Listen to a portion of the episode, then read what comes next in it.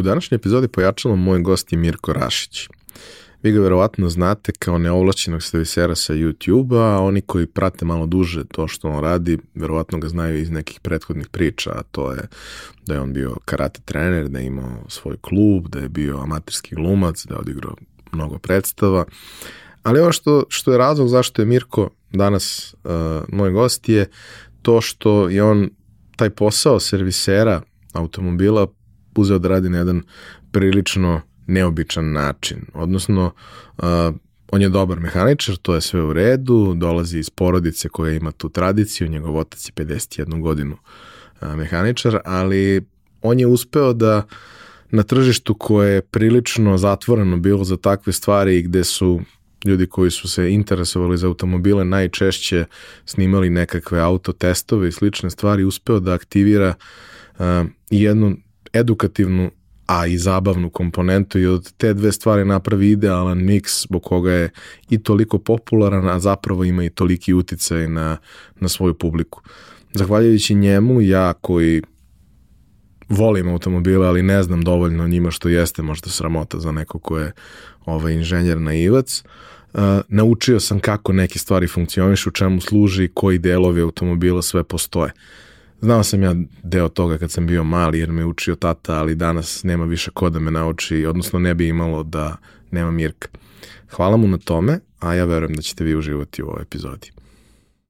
Realizaciju pojačalo podcasta već duže vreme podržava kompanija Epsona. Od nedavno smo za vas pripremili nešto posebno. Naime, nova fiskalizacija podrazumeva da mnogo veći broj nas mora da se bavi ovim pitanjem i mnogo je nedoumica, mnogo je e, nedovoljno detaljno objašnjenih informacija. Mi smo se potrudili da na jednom mestu, na sajtu novekase.rs, objasnimo baš sve što može da vas zanima i damo odgovore na sva pitanja, što se tiče same fiskalizacije, što se tiče toga ko je obveznik, kao i na koji način možete iskoristiti subvencije koje država daje.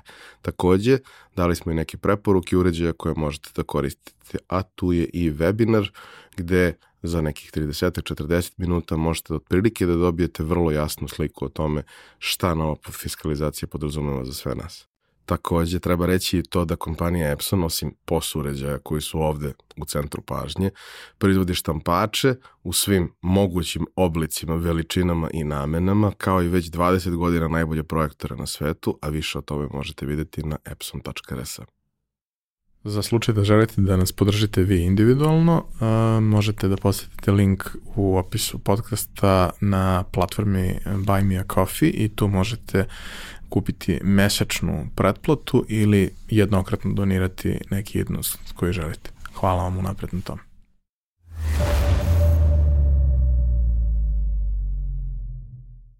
Mirko, dobrodošao.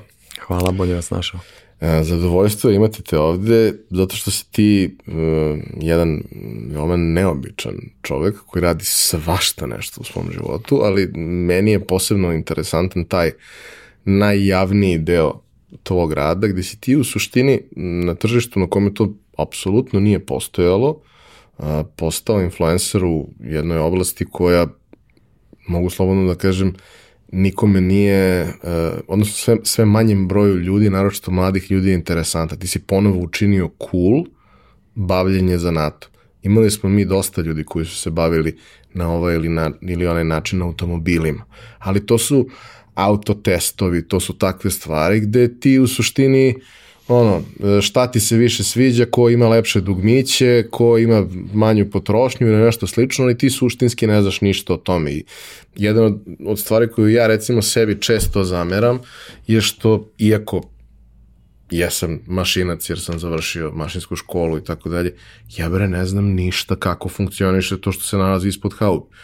Ono staro što je nekad bilo sam možda i znao otprilike, znam ja koji deo čemu služi, ovo sad je mnogo komplikovano postalo ne možeš baš da se pohvata sve. Kroz ovo što ti radiš, ja sam naučio gomilu stvari koje su me interesovale i mogu slobodno da kažem da sam neke stvari zavoleo, a uh, zavoleo sam i tebe mnogo uh, onog trenutka kad si bio kod mojih drugara u Žiški i kada si objasnio zašto je Golf dvojka to što jeste, jer Golf dvojka je moj prvi auto i auto koji ja dan, dan danas, iako sam vozio mnogo novije, modernije automobile i sad vozim auto kojim sam presrećan i prezadovoljan, ja nikad neću proživjeti u njemu ono što sam proživio u dvojici. Ovaj, tako da hvala ti na svemu tome, hvala ti što si došao. Uh, ideja mi je da danas ljudima damo malo više konteksta kako, odnosno genezu bolesti, kako dolazi do svega ovoga što, što si ti danas. Zato što tvoja priča uh, danas podrazumeva jedan vrlo veliki skup različitih talenata koji nisu samo talenti, već su nešto što je kroz praksu dovedeno na određeni nivo, a onda ukomponovano u jedan, nazvaću ja to proizvod, iako nije u startu bio proizvod, nego samo nekakva želja da, da, da se proba. Ovaj, ali da krenemo od onoga ovaj, od čega uvek krećemo u ovom podcastu. Od golfa, je... od golfa dvojke? Ne, ne od golfa dvojke, golfa dvojke ti se uvek vraćamo. Da, da, da. Ali krećemo od mančmelo pitanja, a to je šta si teo budeš kad porasteš? Uf, uh, vojnik. Dobro. Vojnik, onda normalno roditelji su rekli nema od toga sine ništa. Jel mogu bar policajac da budem? Ne možeš ni policajac. Jel mogu budem vatrogasac? Sine, molim te, prestani. Prestani sa uniformama. Prestani sa uniformama. Ovaj, ne možeš da ideš u bilo koju tu školu. E, ja sam išao u sportsku gimnaziju. Dosta nas iz Beograda zna to kao jednu, ne mogu da kažem baš ozbiljnu, ozbiljnu disciplinovanу školu, ovaj, a pored sportske gimnazije na Senjaku je bila vojna gimnazija i onda sam četiri godine svaki dan gledao taj moj neki tadašnji životni san kako prošetam pored njega kao mogu sam da idem u vojnu gimnaziju, ja idem u sportsku, šta mi je ovo trebalo, ali zapravo je to mnogo dobra odluka. Kada je bio onaj poziv kao da se javiš za vojne kao aktivnosti obaveze i da upišeš, zapravo moja generacija je prestala sa služenjem vojnog roka, ali ja sam upisao svakako. Ovaj, želeo sam kao da budem tenkista, mehaničar, da prčkam oko tih tenkova, oko toga ono što sam već iz porodice usađeno usvojio i nekako sam uspeo da sa ocem dođem na to da ne idem u pešadiju, nego kao aj bar sine zaokruži ovo inženjerija, ova, nemoj ti sad u pešadiju tamo, ovo, ono, idi ovamo, kamioni, tenkovi, ovo, ono, i ja kao, uh, tank, super, znaš. Ovaj, da, koliki da, motor. Koliki motor, zapravo to su neverovatni motori, to je, to je, ja sam oduševljen time, pogotovo tenkovi iz drugog svetskog rata koji posle 60 godina u njivi nekoj, ruski tenkovi, ima čak na YouTube-u, ovaj, ruski tenkovi koji stoje 60 godina, 70, u njivi nekoj i ruski mehaničari u farmerkama i nekim fajerkama, jaknama, nemaju normalno neke radne kombinezone plave kao Nemci. Ovaj, u nekoj kasarni, u pitanju je tank ISU 152, čini mi se, ne čini mi se, nego znam napamet jer sam gledao klip 10 puta, ovaj, uzmu i uh, u roku od 3 dana upale tank koji je stajao 60 godina i izvezu ga iz, a pošto je utonuje ono u zemlju, daš nekih pola metra, izvezu ga i meni je to kad ljudi pričaju, znaš kad pričaju kako je triple double, ne znam, MVP ovaj uspeo da napravi oliko poena, ovaj za mene kao mehaničara oživeo je tank iz drugog svetskog rata, znaš, i onda ja počnem da smaram ljude, kao ljudi sa svojom decom pogledaj slike moga deteta, ja kao otvorim telefon, vidi šta su uradili, ali gledaj, znaš, druže, ne interesuje me. To možda tebe, mene ne, ali smaram, smaram. Tako da, hteo sam da imam uniformu i dobio sam majstorsku uniformu, mehaničarsku. Ali ta priča sa, sa ba da kažemo, mehaničarskim pozivom, zanatom, e, je kod tebe nešto što dolazi iz porodice.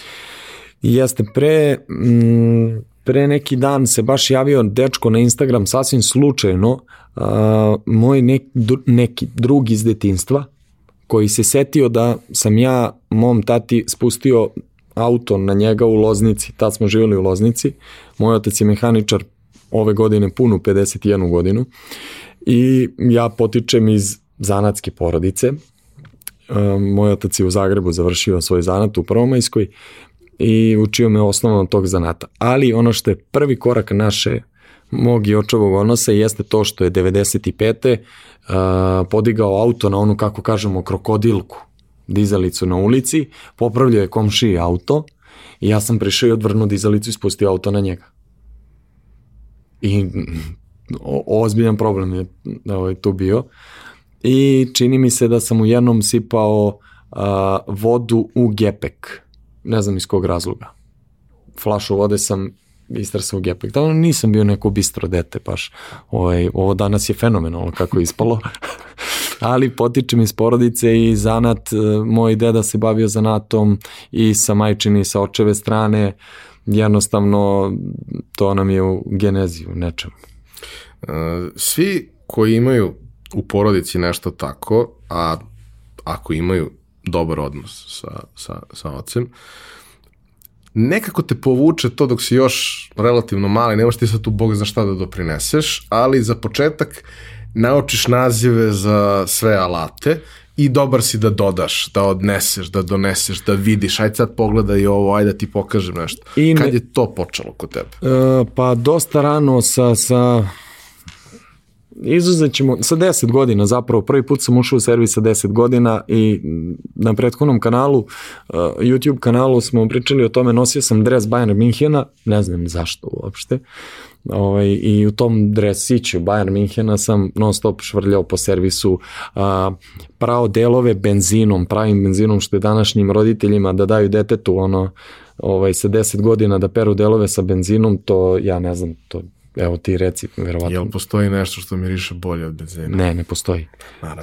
Znači, i ne, nikako ne postoji.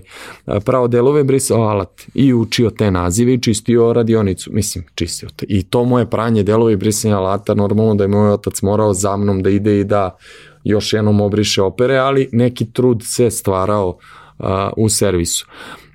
Hteo sam da dodam jednu stvar. Šta smo svi mi radili generacijski? Držali smo lampe i nismo dobro držali lampe. Ne tu gde ti gledaš, nego ovde gde meni treba, uperi lampu. I to, to smo svi morali da prođemo, složit ćeš se, znači mora da postoji jedna situacija i svi naši roditelji, tvoji i moji su bili majstori za sve.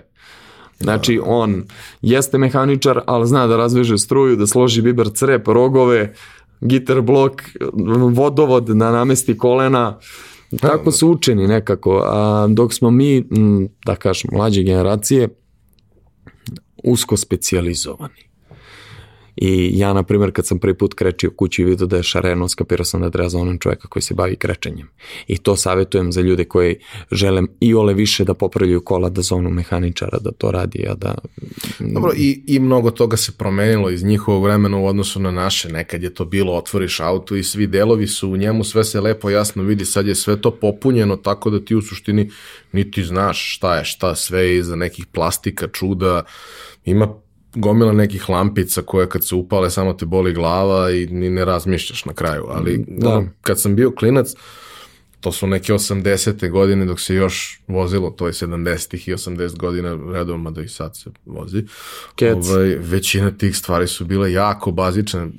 Pisao sam pre, pre par meseci u jednom tekstu kako ono, bilo je Nema to sad paketi opreme u kojem, da, to ne da, postoji. Da. Nego imaš varijantu, ono, kod nekih modela, u zavisnosti od toga koja je oznaka, imaš ono kao e, e, mesto na metalnom, na metalnom onom delu unutra interijera gde, gde je ovaj, obrtomer i sve, imaš kao tu poziciju koja je, bi ga u metalu je urezana, tako da ne možeš sad da menjaš to, nego imaš tri mesta za dugmiće.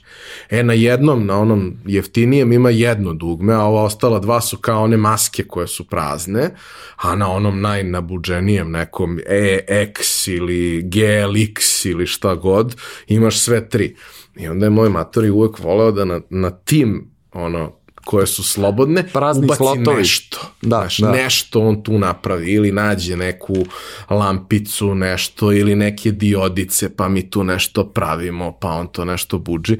I naravno me je to najlepši deo detinstva, pravljenje igračaka, čišćenje, sređivanje automobila i bavljanje svim tim. Iako je on čovjek bio ekonomista i bavio se time ceo život, ovo je prosto bila njegova ljubav i njegova strast. Nije me povuklo da se ja bavim time, mada jesam završio mašinsku školu i, i, i robotiku, ali nekako ti uvek ostane ta, taj odnos prema tome. Ja i dan danas, iako kao digitalna sfera mi je nešto što čime se primarno bavim, ja i dan danas kada vidim nešto analogno i neku dobru mehaniku kako radi, ja sam impresioniran.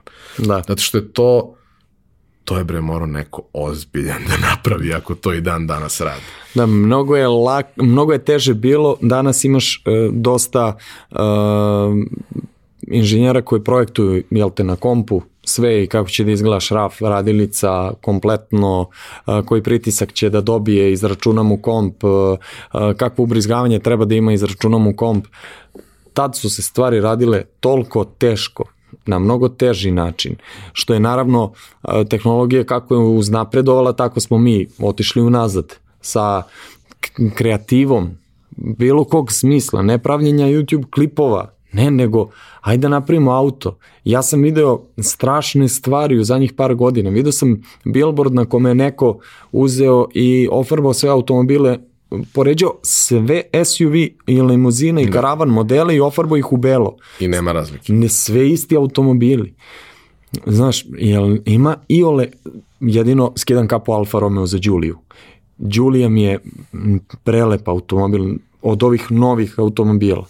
Ovo sve ostalo, idemo ka tome da vozimo džipove, neki SUV, neki nova, nova grana crossover verzija, znaš, pa kao ovo je SUV, ovo je džip, ovo je Znaš, za mene su te stvari i ranije sad se znalo Mercedes G klasa, znači to ne može, Mercedes, moram da skrenem s teme. Odnosno puh. Puh. Mercedes ima ista vrata, istu šoferku od prvog koji je proizveden do ovog sad. Samo ti je paket opreme, taj drugačiji, unutra je Brabus, unutra je... Ali dizajn, oni su čak u Čilibar ubacili uh, puha ili G klasu da kao ostane večno znaš, pošto je večan model.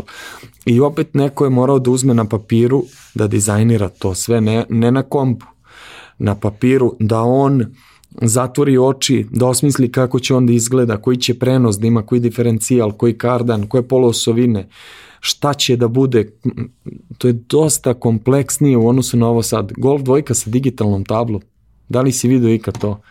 Pa to je kao, znaš, ja, ja sam mlađi, ali ja i dalje ono na YouTube-u gledam neke naše retro stvari 80. 90. koje ne mogu da mi izađu iz glave, čak one playliste koje imaš na YouTube-u vožnje, pa kao imaš instrument tablu, sve ljubičasto onim bojama. Aha. I onda vidiš Golfa dvojku koja ima digitalnu tablu.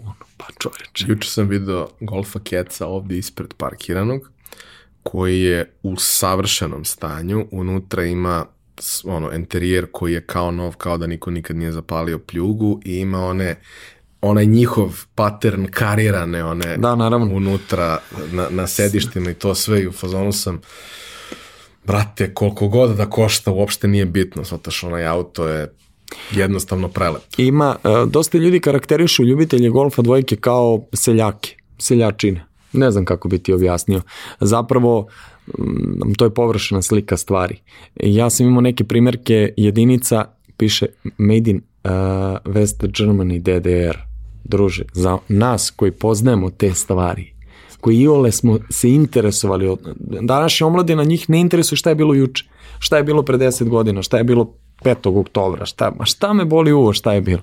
Znaš, ti ako nisi rođen tad, niti imao 30 godina, tad ti razmišljaš, prate, vidi kakva je priča bila, kako su pravili ovo. To su neverovatne mašine, stvari, ono, mislim da zaista smo imali sreće da se rodimo u, u ovom vremenu pa da uhvatimo i ono što je bilo pre nas i ovo što dolazi za nama koliko ispred nas koliko god budemo mogli da uhvatimo sad ove metaversi i sve stvari koje dolaze. Ali jednostavno ti kad sedneš u dvojku ona ima specifičan miris Uh, mi, I rad motora, i rad bilo motora. da je dizel, bilo da je benzin, položaj svega. Znaš, to je ona fora koju ja uvek kažem, kao bavimo se user experience-om u nekom drugom svetu, ali, znaš, kao user experience se prenosi na sve, i na telefon, i na peglu, i na bilo šta. I kao, zašto voliš Volkswagen? Iako, kao kad uzmeš neki klot, to je stvarno leš unutra, da, da. ništa. Zato što, brate, zažmurim, ispružim ruke i znam gde je sve. Tako I sve je, na logičnom Tako je. Znaš, od onih šest prekidača koje imaš, gde ti je sva četiri, gde ti je grejač zadnjeg stakla. Sve. Naveo bih samo da ljudi ne pomisle da je samo Gold dvojka. Gold dvojka jedinica mečka, a, BMW E30, specifično je 30 ta kockica. Mm. Lancia Delta, Fiat, uh, Fiat Uno Turbo, a, bilo je toliko primjeraka automobila i svi su različiti. E, ali imaš i one momente gde kao, ja nisam, baš nisam, baš, baš, baš nisam ljubitelj francuskih vozila. Ali ja kad vidim Renault 4, meni je to prelepo. Kad vidim Renault 5 Campus, meni je to i dalje, wow, ja sam o, o, kao najlepši auto kad sam bio baš, baš mali, meni je bio Renault 5 kad se pojavio. Jer je imao liniju koja je bila potpuno ono neverovatno u tom trenutku, svi su bili kockasti, on je izgledao kao da je došao iz 2010. Futurizam. Znaš, a, a, a sve je toliko jednostavno i nema šta da se pokvari. I to što se pokvari, znaš, kao ti, ti često preporučuješ, i ja često preporučujem ljudima, kako ne znaš šta ćeš, a nemaš nekakav ozbiljan budžet na raspolaganju. Kako imaš budžet, uzmi, brate, ono što ti se sviđa, nije bitno, nemaš kupiš loš nov auto, mislim, to je... Tako je, agregati su isti u većini uh, slučajeva, Peugeot sada preuzima Peugeot preuzima i Fiatove, čak ubacuje se 1.4 HDI u neke Fiatove modele. Fiatovi motori se ubacuju u Opel i u Saba. Ideja i je u... ono što je pouzdano. Tako je, tako Nema je. tu toliko stvari koje mogu da krenu naopako. Gledaš šta ti se sviđa, pa kupiš ko nekad što, to sam pričao, to moja trauma, drugarica kad nas je molila kao mi, ajde, ona je devojka stewardesa i ne zanima je to, a kao mi smo gikovi pa da joj pomognemo oko laptopa. I mi se ubijemo da joj nađemo koji laptop da uzme najbolji odnos cene, da? I vrati se ona sa puta i kao, i šta si uzela? Crveni. Crveni. Najprodavaniji automobil ženski je crveni i statistički neću ja dužim priču, a ne bude podcast o automobilima. E, crveni automobil je automobil koji najređe učestvuje u saobraćajnim udesima. Najbolje se i primeti. Najbolje se i primeti, ali imao sam gosta u live-u pre prošle srede koji je rekao stvar koja mi se odmah urezala u glavu, mi volimo automobile i nekako gledamo ih na način na koji ih klinci danas ne gledaju, gledaju samo da bude brz, da izgleda bezobrazno, da izgleda kriminalno. I, ove, ali mi smo ih voleli niti iz toga da ću ja da budem predstavljen u društvu kao kriminalac, niti da ću vozim najbrži auto. I rekao je čovjek, kaže, ja se plašim da oni uopšte neće voleti automobile. To je bilo ono, ja kao, pa da. Pa znaš šta, imaš tu još jednu stvar, a to je sada kada su svi isti, nemaš ništa da voliš. Tako je. O, osim Đulija, Alfa Romeo, Quadrifoglio. ja. Dobro, mogu da se složim. Video sam, nisam vozio, vozio sam se u i mogu da kažem wow, mogu da kažem wow ono, za Nissan GTR, jer je to onako, za Dobro. nas gejmere je to prilično impresivno jer ima hiljadu i jednu stavku koju vidiš ko da si u igrici Tako i ide, brate, ko ne vreme. Ali, znaš, kao, vozio sam M-ove, vozio sam AMG-ove, mnogo je to lepo. Ali to je to. Nema nikakvu dušu, nije nema pravi, ništa. nije pravi auto kada ga parkiraš, izađeš, ako se ne okreneš da ga pogledaš, nije, nije to taj auto koji ti hoćeš. Da, tako Da. sam ja kupio Jaguara i evo, još uvek se oporavljam od toga. Bio je tri godine kod mene, jedva sam ga prodao i posledice i dalje postoje. Ovo, ali je bio najlepši na parkingu. I bio je najlepši na, na placu, ja sam ga zato i kupio. F-Type, koji? Ne, X-Type. X-Type, da. Lep, srebrni, crklo je sve što je moglo i non stop je palio neke lampice i, i dimio. Ali dobro, X-Type, uh, koje godine proizvodnje? treći, četvrti. 2003. Prva objava na Instagram profilu Mechanic Belgrade, kako se nekada zvao neovlašćeni serviser, je bila zamena diferencijala na Jaguaru X-Type. Znači, prva objava koju sam okačio ovaj, i vidi se tačno sad kad prelistat, prelistaš Instagram, vidjet ćeš prvu objavu ovaj, zamena diferencijala na Jaguaru X-Type. Nikad neću zaboravim taj posao.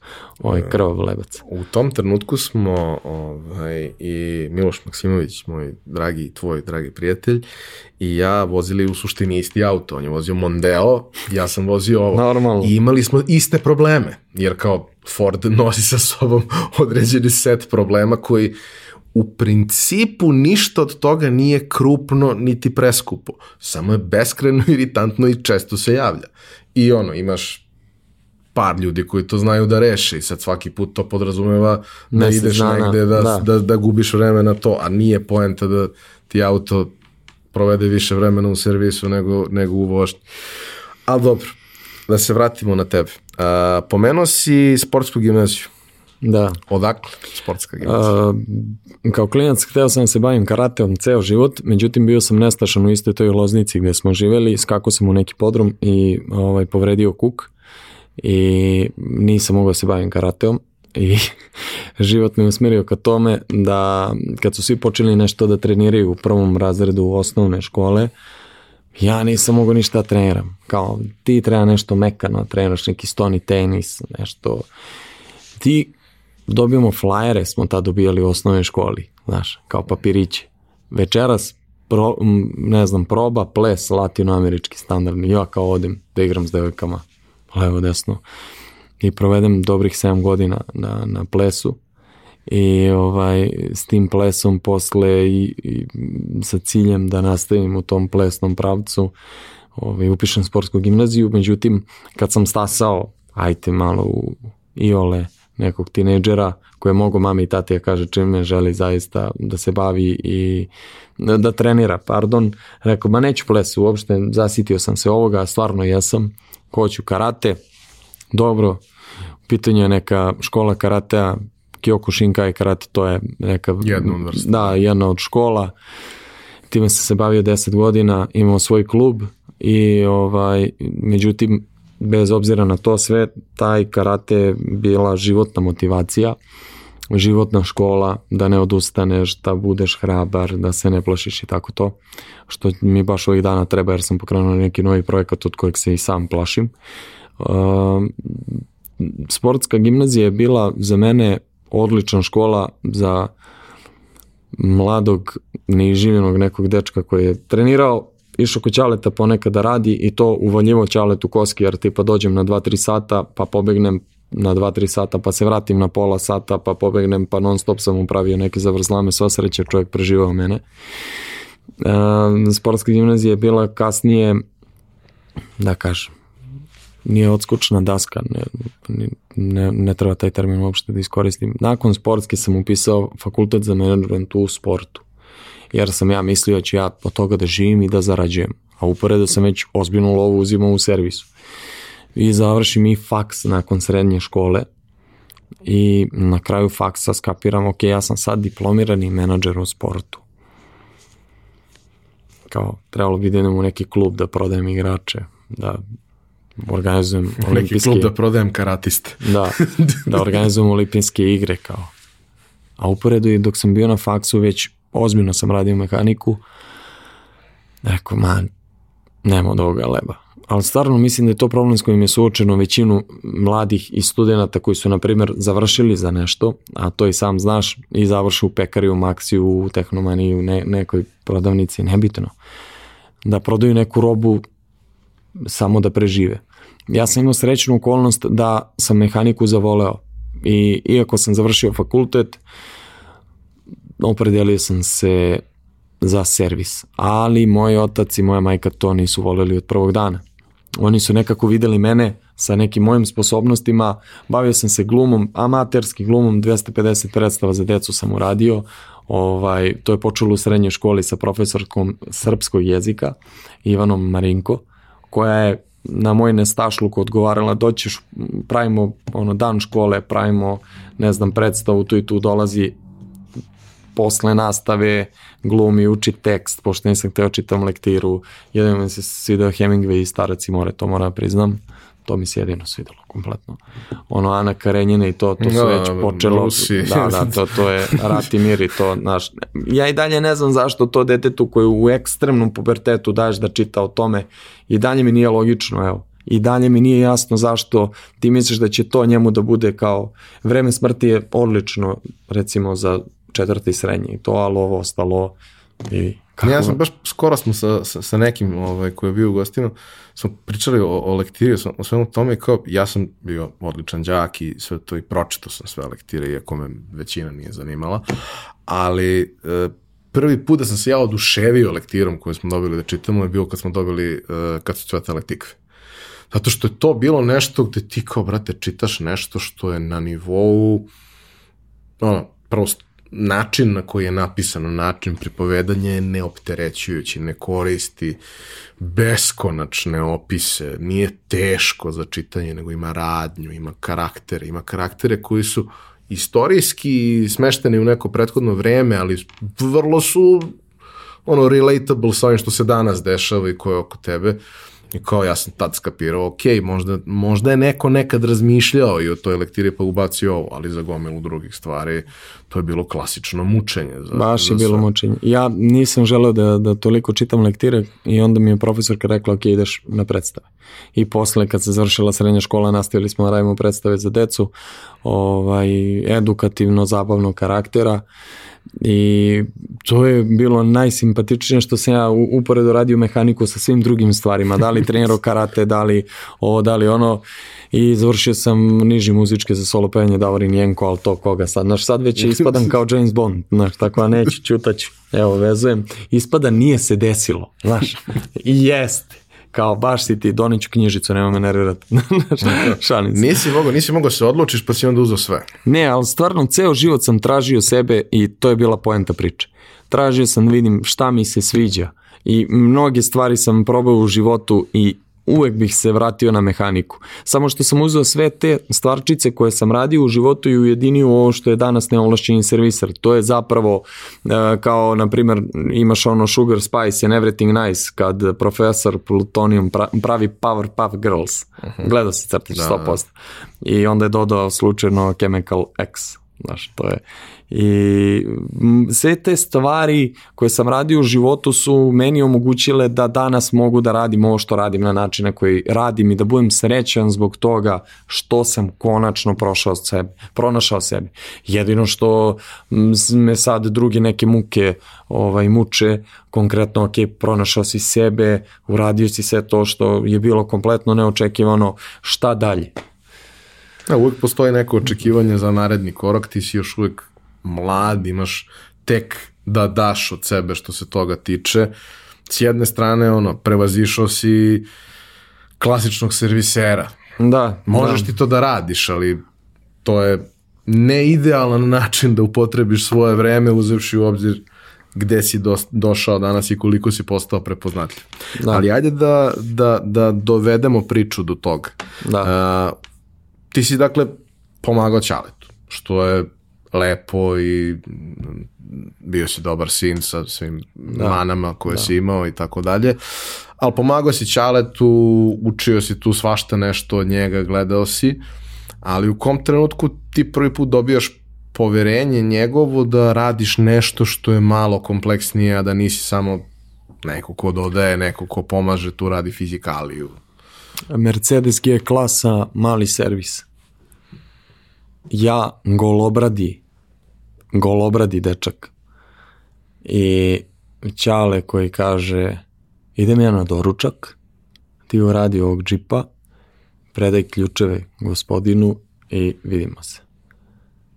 Pre njega je bio, bilo je par automobila pre toga, ali taj mi je baš ostao nekako zabeležen, ne samo zbog, zbog toga što mi je omiljeni džip, već ovaj, bilo je, ja sam upao u problem neki. To je auto koji ima karter od 9 litara ulja. znaš, ti sipaš ulje i sipaš ulje, ne znaš koliko ti treba da, znaš, filtar za vazduh je ono, ovoliki, neverovatno. I, sve je veliko sve, u tom sve, sve i da, podsjetio si me na jednu bitnu stvar koju moram kažem nakon ovoga za autobus jedan. I ja ga zovem i kažem ne mogu da odvrnem filter za gorivo, a čujem čaše kako je u restoranu nekom s drugarima piju, doručkuju. Kaže, ne znam bre sine, reši to bre, ne interesuje me. Dolazi ti čovjek za sat vremena ti kako hoćeš, uzmi to reši, ne, ne interesuje me. Čeličio me na najgori mogući način po mene tad. Na način na koji je rekao ne interesuje me. Ne interesuje me. Nije mi davao informacije koje ja danas dajem svojim kolegama ili momcima koji uče zanat od mene. Kao ni većina ljudi danas smo pričali o tome baš na nekom snimanju. On meni nije davao informacije uopšte koliko, na koliko se steže glava, na koliko se stežu šrafovi M6, šrafovi M8. Rekao mi uzmi knjigu, nauči. nije mi davao ni jednu informaciju, ni jedan input. Kad treba se zupči motor, idi po burek. Jer je time, te generacije su time testirale tvoje... Da li si ti zaista posvećen to? Tako je. I mi smo danas učeni s time da ja objasnim sve do detalja nekom čoveku koji radi kod mene i njega bre apsolutno ne interesuje. Zato što si mu ti prepričao tih 200 knjiga koje treba pročitati. Tako je, upravo tako. Ima jedan japanski mačevalac, Miyamoto Musashi, ovaj napisao knjigu Pet prstenova. Dobar, dobra knjigica, ali mačevalac je bio jako dobar. On kaže, tri godine su ti potrebne vežbanja da samo naučiš, da tvoje telo, da se slože kockice u glavi, da ruke nauče šta je šarciger, da, mislim ja prenešenu u mehaniku pričam, da skapiraš šta je točak, šta je čekić. Tri godine treba zapravo budeš aprentist i onda devet godina ti treba da postaneš majstor veštine neke koje si. Ja nekako kad izvrtim stvari, naravno znam da ništa ne znam i uvek naučim nove stvari, ali neke kocke u glavi ti se slože tek kad prođe vreme, ne praksa, nego kad tvoj mozak složi informacije onako ja, kako treba. Kilometraža. Mora kilometraža da se napravi. Kao sa mladim vozačem. On mora da ima i neka gradska čukanja, on mora da ima i rizične situacije, on mora da ima mnogo stvari da nije bi... Nije teško imati rizičnu situaciju nije. u Beogradu. nije, nije. Ja sam pomagao ocu i nisam u tome video uh, toliko radosti u početku kad su drugari išli na bazen na, na, na ne znam, na neka dešavanja u park, bleje, pivo, ovo ono, ili bilo šta gde god da su bili. Ja bi bio u servisu i malo nisam voleo oca zbog tih stvari. Mislio sam da, da me mnogo previše vojnički onako disciplinuje i oko toga smo se svađali dosta, ali zapravo učinio mi je najbolju uslugu koja mogu da mi učini u životu. A to pitanje kada je on prepustio meni ključeve u ruke, da kažem tako, to je bilo recimo pre 2-3 meseca. Bez zazanja. 12 godina radi mehaniku, ja sam pre 2-3 meseca, možda 4 meseca tek dobio od njega priznanje, ok, dobar si majstor. Bez, bez zezanja. Pakovao sam neki jako komplikovan motor, Volkswagenov turbo benzinski motor, i on je sedeo i gledao kako ja to radim i ovaj, upalio auto. I on kaže svaka čast majstore. Mislim, sad mi je čak i emotivno da, da pričam o tome. Svaka čast majstore, odlično. I ovaj, eto, prošlo je 12 godina da bi on rekao, evo ti, može. I u njegovom slučaju 50 godina iskustva. Da, da, to je baš, baš neočekivan odgovor da je kao mečka G klasa, tad je rekao, ajde kao, čeličim te ali zapravo neko priznanje da sam ja njegov kolega ravan njemu je bilo pre par meseci. Uh, u kom trenutku ti krećeš da razvijaš svoju priču sa, sa servisom? Uh, pre četiri godine. Pre četiri godine sam otvorio svoj servis i tada mi je isti otac rekao ne interesuje me ništa šta radiš u servisu, probleme koje imaš, ništa, to je sad tvoja priča, tvoj servis, nemoj me zoveš da ti pomažem. Ja sam ga zvao dve pune godine stalno. Zapne ovde, zapne ovde, dođi pomozi, dođi izvuci me iz problema, imam problem s mušterijom, imam problem s ovim. Pre četiri godine sam otvorio svoj servis, prvu firmu i tad sam počeo da učim šta znači da plaćaš porez u smislu da moje kolege koje rade na crno ne treba da rade na crno. Da, treba svi da imamo iste cene otprilike i da naučiš da platiš porez, prijavu, doprinose, porez na dobit, Ne da postoji nekakav standard kvaliteta usluge, ali i sve ono ostalo što prati tako nešto da bi sistem mogao da živi i da funkcioniš. Tako je. Znaš, kao, super je to što neko možda nešto negde uradi na crno, uzme neki dinar, ok, ali kao ako to postane nešto što je ozbiljno, a mi u ovoj zemlji imamo mnogo velikih, ozbiljnih servisa koji ono su na možda ne toliko vidnom mestu, pa ne upadaju nikome u oko. Ti kad vidiš da nema 20 automobila ispred servisa i da ne postoji nijedna varijanta osim keša ovaj, i da možeš dobiješ račun na onom blokčiću iz Mozarta. Ovaj, to mi je omiljeno, ona mala olovčica i blokčić iz Mozarta. Ti kažeš sebi, znaš kao... E, naselje u Beogradu ima, jedno od naselja u Beogradu ima 11 nelegalnih servisa. I znaš šta je glavni problem što ja kažem, moja cena malog servisa je 3.500 dinara, kod njega je dva soma ti ideš kod ovog kod kojeg je dva soma i mene pljuješ i kažeš da sam preskup. Ali dobro, nisam nija cvećka. No, idemo dalje. E, počeo si sa, sa svojom pričom, ta priča je, da kažemo, tvoj neki prvi izlet u, u, u tu vrstu obavez. Uh, ulaziš u to, znaš, kao kad, kad radiš negde, ok, ti si tu, imaš nekog sa kim radiš, ali to su sve tvoje odgovornosti ti i neki dogovor koji si postigao. Kad praviš svoju priču, ti si taj koji mora da organizuje sve, ti si taj koji mora da nađe ljude, koji mora da obuči ljude, ti si taj koji mora da se postara da posla ima, jer moraju da se plate svi ti porezi, moraju da se plate sve te plate i tako dalje. Kako je to išlo? Jako teško i s time se borim i dan danas u smislu toga da sve te stavke ispunim pozitivno, da ne bude negde kiks. Treba da, meni uvek bilo teško da kažeš, da gledam zaposlenog kao radnika. Uvek sam gledao kao druga, kao kolegu, to mi se odbijalo nekoliko puta kao bumerang. Ja bih opet radio isto i opet mi se odbijalo o glavu. Um, jednostavno disciplina je nešto što čovjek treba da usadi sebi ono, bukvalno u DNK. Moraš biti disciplinovan, odvajati financije, ne ono kao, ma imaće to na kraju meseca, ne, ne, prvo odvajaš svu lovu za troškove, za sve troškove i rashode koje imaš, onda kasnije, posle par godina, ja sam skapirao gde su mi rupe u rashodima, šta treba, znači da ne možemo naručujemo hranu, da treba uzmemo catering koji svaki dan donosi kuvane jela, ovaj, koje su pre svega zdrava za radnike, ovaj, a drugo jeftinija za poručivanje u odnosu na, ono, poručimo iz Meka, poručimo odavde, poručimo odande, ono, prvo što ti je cifra velika, drugo, hraniš se nezdravo, pa onda ajde to da promenimo, pa ajde da promenimo pristup poslu, mušterijama, ajde da napravimo neku organizaciju poslovanja, ajde da uvedemo zakazivanje, ajde da uvedemo plaćanje preko računa, plaćanje karticom, ajde mnoge stvari iako smo neovlašćeni serviseri. I dan danas peglam sve te stvari i pokušavam da napravim taj servis da izgleda onako kako ja mislim da treba da izgleda.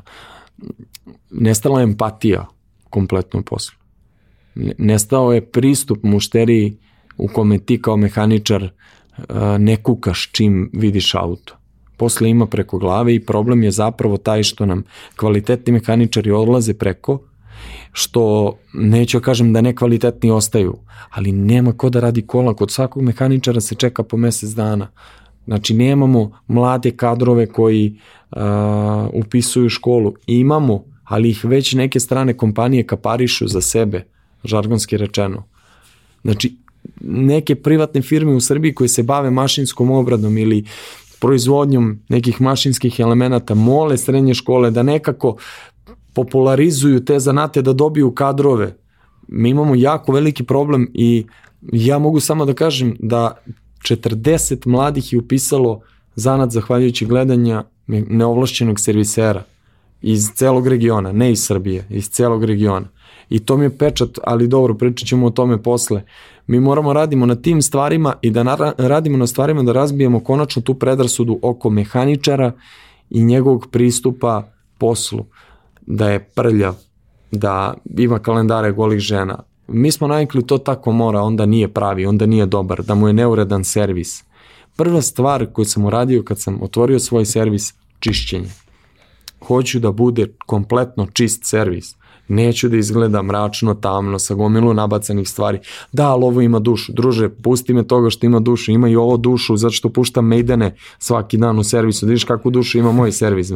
Maidene puštam ono, svaki put kad prođe uh, 12 po ponoći, šalim se, ovaj, puštam strah od mraka. Uh, sve ima svoje, ali e, meni nekako i ono što sam savjetovao druge kolege kada počinju da otvaraju svoj servis, napravi plan strateški, zacrtaj sebi ono, to do, doing i done, napravi neke stvari koje treba da radiš. Ja to radim i dan danas i opet imam nezavršene stvari i opet imam neke kikseve koje ne mogu da rešim. Naravno, ma sve je to proces. Sve je to proces i svaka takva stvar, koliko god se ti možda i pripremio na to tako što si možda bio deo nekog sistema, pa možda probao nešto da iskopiraš. Svaka priča je za sebe, svaki ono kolektiv je organizam za sebe sa svojim karakteristikama i uvek je to uvek je to zahtevno. Uh, mnogi uh, taj ceo tvoj branding uh, neovlašćenog servisera doživljavaju kao veoma simpatičan uh, i ja sam jedan od njih. Dobrim delom zato što ovlašćeni serviseri imaju užasnu reputaciju kod nas kao neko ko u suštini previše naplaćuje često vrlo upitan kvalitet usluge. Kako si ti ošte došao na ideju za to i zašto? Zašto neovlašćeni serviser? Pa glavna ideja, prva ideja je zapravo bila Mechanic Belgrade na Instagramu, gde motiv moj je bio taj što su mi se zgadili odnosi s ljudima koji me gledaju kao prevaranta. I ja sam počeo da slikam i snimam sve što radim u šterijama kao audio, video, uh, foto, format, kako god i da im šaljem slike, ovo je vaše staro kvačilo, ovo je novo kvačilo, ovo smo zamenili, pa kad sam otvorio svoj servis stavio sam kamere u visini od 150 ovaj, da gledaju direktno na rad, kako se radi, koji delovi se stavljaju u slučaju problema. Mehaničari su svojim postupcima napravili ovu reputaciju koju imaju danas. I ovlašćeni i neovlašćeni.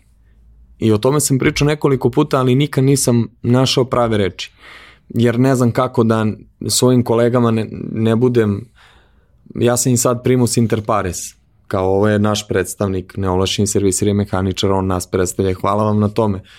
Ali ajde pričamo kako da budemo još bolji i ajde da kažemo da smo mi krivi zbog ove reputacije koju, na primjer, ti kažeš ovlašćeni serviseri znaju svi da mnogo naplaćuju, da je kvalitet usluge loš i da realno te ne želiš da na konto toga što ćeš sedeti u nekom lobiju i piti kafu, ne želiš da se osjećaš kao neka ovca koja je ošišana ovaj, baš onako pojačano, kako mi kažem. Uh, neovlašćeni i ovlašćeni servisar su kao policajac i lop, znaš. Ovo ima svoje stavove, ovo ima svoje stavove. Ja sam napravio neki tekst i napravio sajt zajedno sa mojim kumom Anđelkom Cajkovićem koji je dizajnirao taj sajt i napravili smo dve interesantne priče. Priču o ovlašćenom, ovaj, koji ima svoj pristup poslu i neovlašćenom. I stavili smo neke dve presmešne sličice, video se verovatno, Jesam. ovaj, jer ja sam imao etape kada radim, ovaj, tad sam radio na Bežanjskoj kosi, imao sam etape, dve godine sam radio na polju, nisam imao ni nadstrešnicu nad dizelicom, ali imao sam svoje prvo radno mesto. I onda bi se mnogo slojevito, što kaže Nada Macura, obukao za posao i onda sam izgledao bukvalno kao neki bugarski kraljevac akumulatora, tako smo me ovaj kategorizovali. Neka majica, neka rolka, uh, kombinezon ispod, vuneni prsluk, pa kožna jakna, pa naš, na šta to liči? Normalno cigareta, non stop ruke crne, naš alkohol je uvek neki tu stvarno bre, i onda sam imao etape, ošišam se, obrijem se, obučem novu kombinezon čist, znaš ono, i tu, tu se već rodilo kao vi ovaj, brate, ovlašćeni, kao serviser, znaš, i pristup mušteriji kakav je, znaš, neovlašćeni ima taj pristup. Slušaj, druže, da ti kaš, ja tebi hoću da pomognem, ali da bi ja tebi pomogao moraš ti meni da pomogneš prvo da mi kažeš. A ovlašćen je naravno formalizam neki, znaš, formalnosti to. I onda jednostavno je dunula tako ideja iz priči mehaničarskih, jer mehaničari su ti jedna sekta velika, vole da pričaju, da ogovaraju, e, mnogo volimo jedni druge da pljujemo, to je strašno. Tako i nastalo ko ti ovo radio, obožavamo da pljujemo rad kolege, ob, to je To je ne samo mehaničari, generalno su da, majstori. Da, obožavamo Ko to. Ko ti ovo radio, znaš ti koliki je to posao i nema to kud. Nema to kud, da, da, da, da, da. dobro je ovo. Što bi rekao mi drug Dušan, u saobraćaj. Rekao, Dule, ali nismo, u saobraćaj, u saobraćaj, puštaju u saobraćaj taj auto. Ovaj, interesantno je to bilo, pre nekih 5-6 godina smo tu priču oko i neovlašćenog napisali ali ja sam na Instagramu i dalje bio Mechanic Belgrade jer je, ja sam zapravo da razežem malo tu priču, gledao sam na YouTube-u i na Instagramu šta rade Amerikanci i Rusi. Ovaj, Rusi sam slabo razumeo, jer je moj nivo ruskog po nivou Đorđa Čvarkova, ovaj, isto pričamo Đorđe Čvarkovi i ja ruski, ali Amerikanci sam razumeo i video sam stvari, video sam kako oni to predstavljaju. Znaš, za mene je to bilo kako on montira, znaš, za mene je to bilo neverovatno, kako on predstavlja taj zam, vidi kakav mu je servis, jao, vidi ljubičasti šrafovi, vidi alate. Kada počneš da se baviš zanatom, postaneš ozbiljan bolesnik za alatom.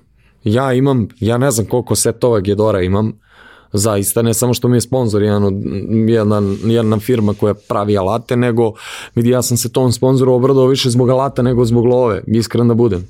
I jao, sad mogu konačno da naručim sve što mi treba, jao bože, sirotinja, dete radničke klase, dobri moj Ivan. Dete radničke klase. To je ona varijanta, to sam i ja imao uvek kad odem kod nekog drugara koji su to kao serviseri za, za, za različite stvari. Prva stvar koju uđem, uđem i pregledam sve što je montirano po zidu.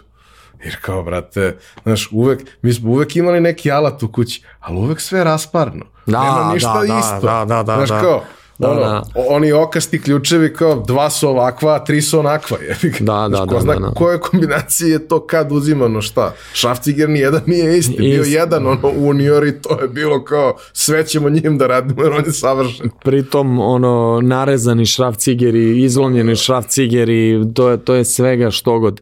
Uh, nekada su servisi imali svoje alatničare koji su pravili dodatne alate, specijalne alate, ali neću u to strano da ulazim. Uglavnom, ideja se rodila iz priče u narodu, motiv je bio za, za prezentaciju sadržaja na društvenim mrežama, motiv je bio taj što su me ljudi smatrali lopovom, nisu imali poverenja, a uzori su bili strani influenceri koji su se bavili mehanikom. E sad, uh, postoji razlog zašto to pred tebe gotovo da niko ovde nije radio ili makar nije radio u nekom dužem periodu da, da možeš da kažeš da je ostavio neki trag. To nije baš jednostavno. Ima tu mnogo, prvo mora mnogo toga da se zna, drugo mora mnogo ljudi da se zna, jer za razne specifične stvari ti uvek imaš jako dobre goste koji pričaju o usko specifičnim nekim stvarima koje, koje su važne. Uh, zatim to mora da se prezentuje na pravi način, mora da se snimi na pravi način, da se izmontira i tako dalje i tako dalje. Znaš, ti imaš one momente gde pričaš striktno o, o nekoj mehanici, ali imaš i momente gde su bukvalno skečevi gde ti glumiš 15-20 minuta nečega, gde je ono za gomilu stvari sad, ok, verovatno nije single take, ali nije, brate, ni da je mnogo sečeno. Vidiš da, Da, je to iz relativno Kobasice su, malog kobasice su, da, da. pokušaja, a da to stvarno stvarno nije što si mi gost, ali stvarno je dobro, stvarno Hvala. je zanimljivo, stvarno Hvala. je, jeste, cilj je da bude za jebancije, ok, ali je vrlo korisna za jebancije, vrlo je sa žakijem, recimo. Da, da, da, da. da. Vrlo je to, vrlo je to sve zanimljivo, pitko i životno, brate, svi smo prošli kroz to u, u nekom trenutku u životu kad kupuješ ili sebi ili nekome, ono, najgora varijanta kad te neko pita e, treba za dete da nađemo auto do dva soma, kao, brate, Ne, ne, mora. ja Ta- može nešto lakše. Luka i ja smo to bukvalno spontano ovaj, počeli da snimamo i, i krivo mi je što nema tog serijala i što uh, ljudi su malo više otišli u krajnost uh, humora ovaj, gde je bilo totalno nebitno šta ćemo da ispričamo o kolima nego ajde samo da bude međusobno napušavanje, ovaj, ali uh, Luka i ja smo se baš danas čuli, treba se vidimo i, i jednostavno smo se mi poklopili prvi put kad smo se videli, mi smo se poklopili napušavanjem, t- tako da sam ja majstor, on dolazi kao mušterija. I mi smo bukvalno nismo mnogo imitirali odnos. ovaj, takvi smo bukvalno od prvog dana i usput smo jako dobri drugari i prijatelji i onda nam je bilo olako da radimo takav sadržaj. Pored njega dodao bi još da je bilo nekoliko gostiju koji su bili jako interesantni. Uh, pored Luke, Miloš uh, Milaković i naravno Pero de Formero koji ja, ja nijedno nisam imao snimanje kao s Perom de Formerom. Ljudi, Ne sumnjam. Znači, ljudi, to je jedino snimanje koje sam ja, ja nisam znao, to je snimanje iz 200 tekova. On je čovjek, ja ne znam kako da objasnim ko je to genije čovjek.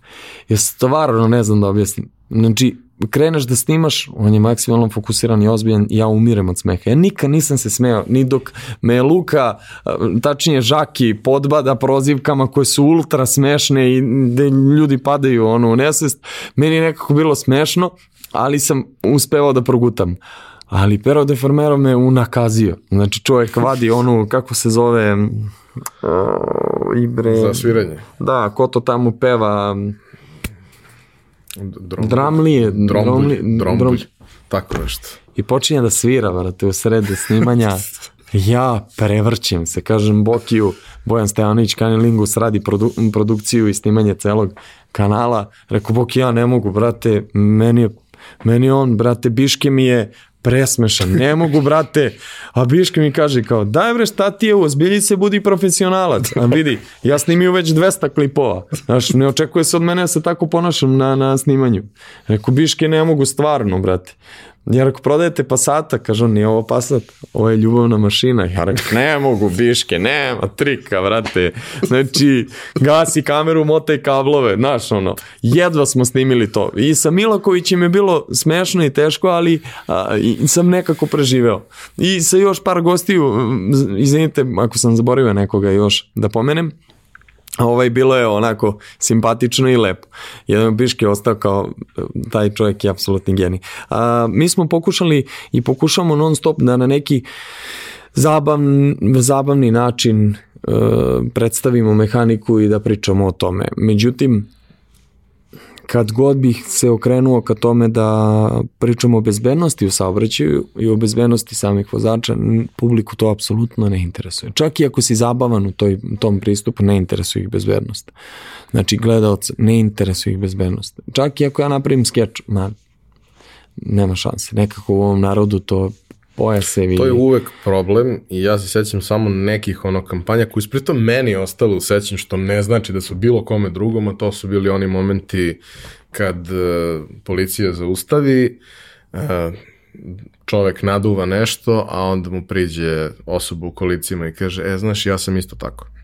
Da, da, da, da. da. Ovaj, Mora tako. Međutim, ono, kapiram da to kad vidiš na televiziji i dalje se ne asociraš sa tim vozačem i sve vreme se ono, ložiš na to da uh, neće meni da se desi, ma nema frke, nije to strašno i mislim, nažalost, često mi se dešava i sa ono, prijateljima da nemaš da objasniš da, vrate, ne nije, treba to da ne, radiš. Nije dobro, ja idem na konto priče o novcu ne čak o telesnim povredama, invaliditetima, nego o lo, lovi. Rekao, druže, čak i ako te neko udari od pozadnje, što u svim slučajima znači da je on kriv, a ti imaš alkohol u krvi, ti ćeš platiti. Neće on koji je kriv Znači u situacijama u kojima, no nebitno, ovaj, sad da ne ulazimo u detalje, publika voli zabavu, mi smo Balkanci, volimo humor. Meni je super da ti uspevaš da pored zabave provučeš ipak dosta da. edukativnog i da daš ljudima neke konkretne savete.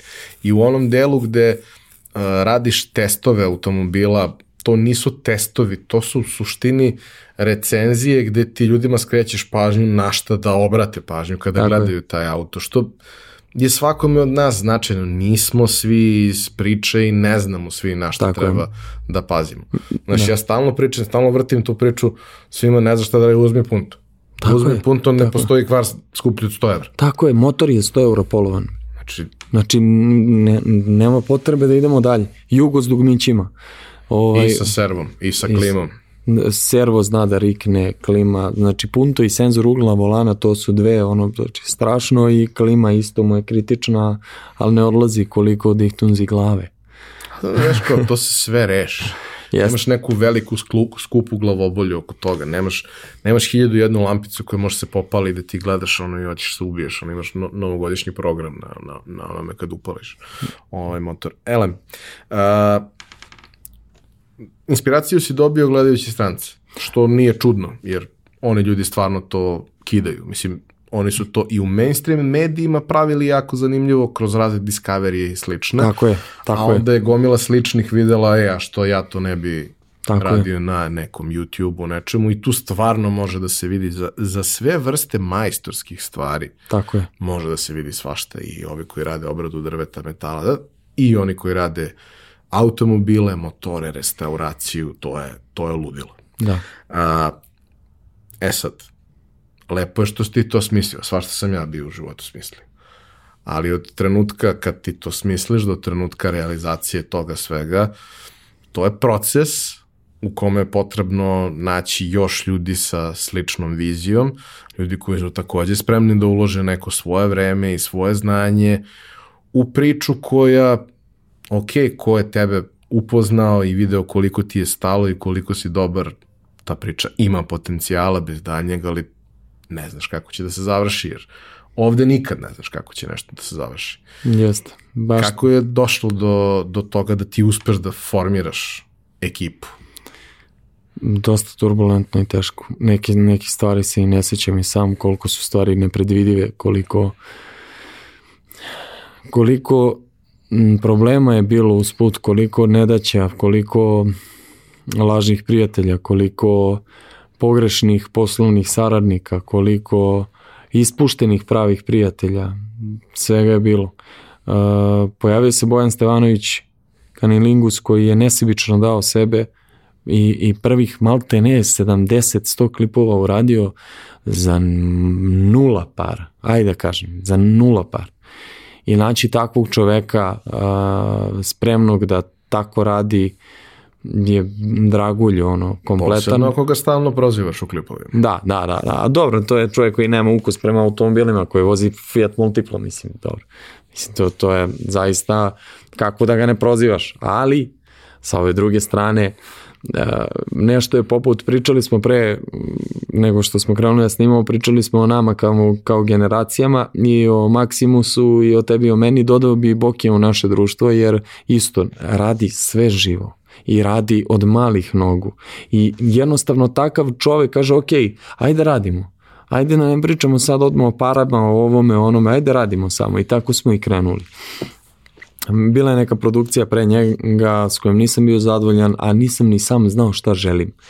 I onda sa Bokim je to postalo kao praksa. Mi imamo nekad situacije da 4-5 klipova snimimo one take, ono, bez apsolutne greške, bez ičega, znači namestimo sve, ton, bubica, sve živo imamo i naravno ljudi koji rade s nama na, na YouTube-u, tu je i Uroš, tu je još dvoje ljudi i težimo ka tome da širimo ekipu, neovlašćeni tim, da to izgleda još bolje, još re, još nekako da izgledamo ozbiljno za ovo naše tržište. Jer drugi grad po gledanosti posle Beograda je Zagreb. A kad bi išli po državama, Srbija je po analitici na prvom mestu, po gledalcima neološivih servisera, Bosna je na drugom mestu, Hrvatska je na trećem mestu, Crna Gora na četvrtom i Severna Makedonija, tako je vodi YouTube, yes. ovaj, na petom mestu.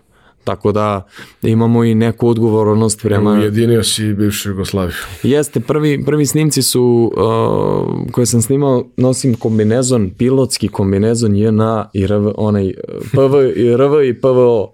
Da, RV i PVO. I onda je to ljudima do, dosta bilo lepo, mada je bilo nekih komentara negativnih na konto toga. Ovo, ima i sad nekih negativnih komentara, na primjer onaj video za gorivo, rekao sam pisaću latinicom, normalno da ljudi pišu da se stidiš Čirilice, ne, ne stidim se Čirilice, nikad se nisam stideo svog pisma, niti porekla, niti bilo čega, nego nas gledaju i drugi ljudi.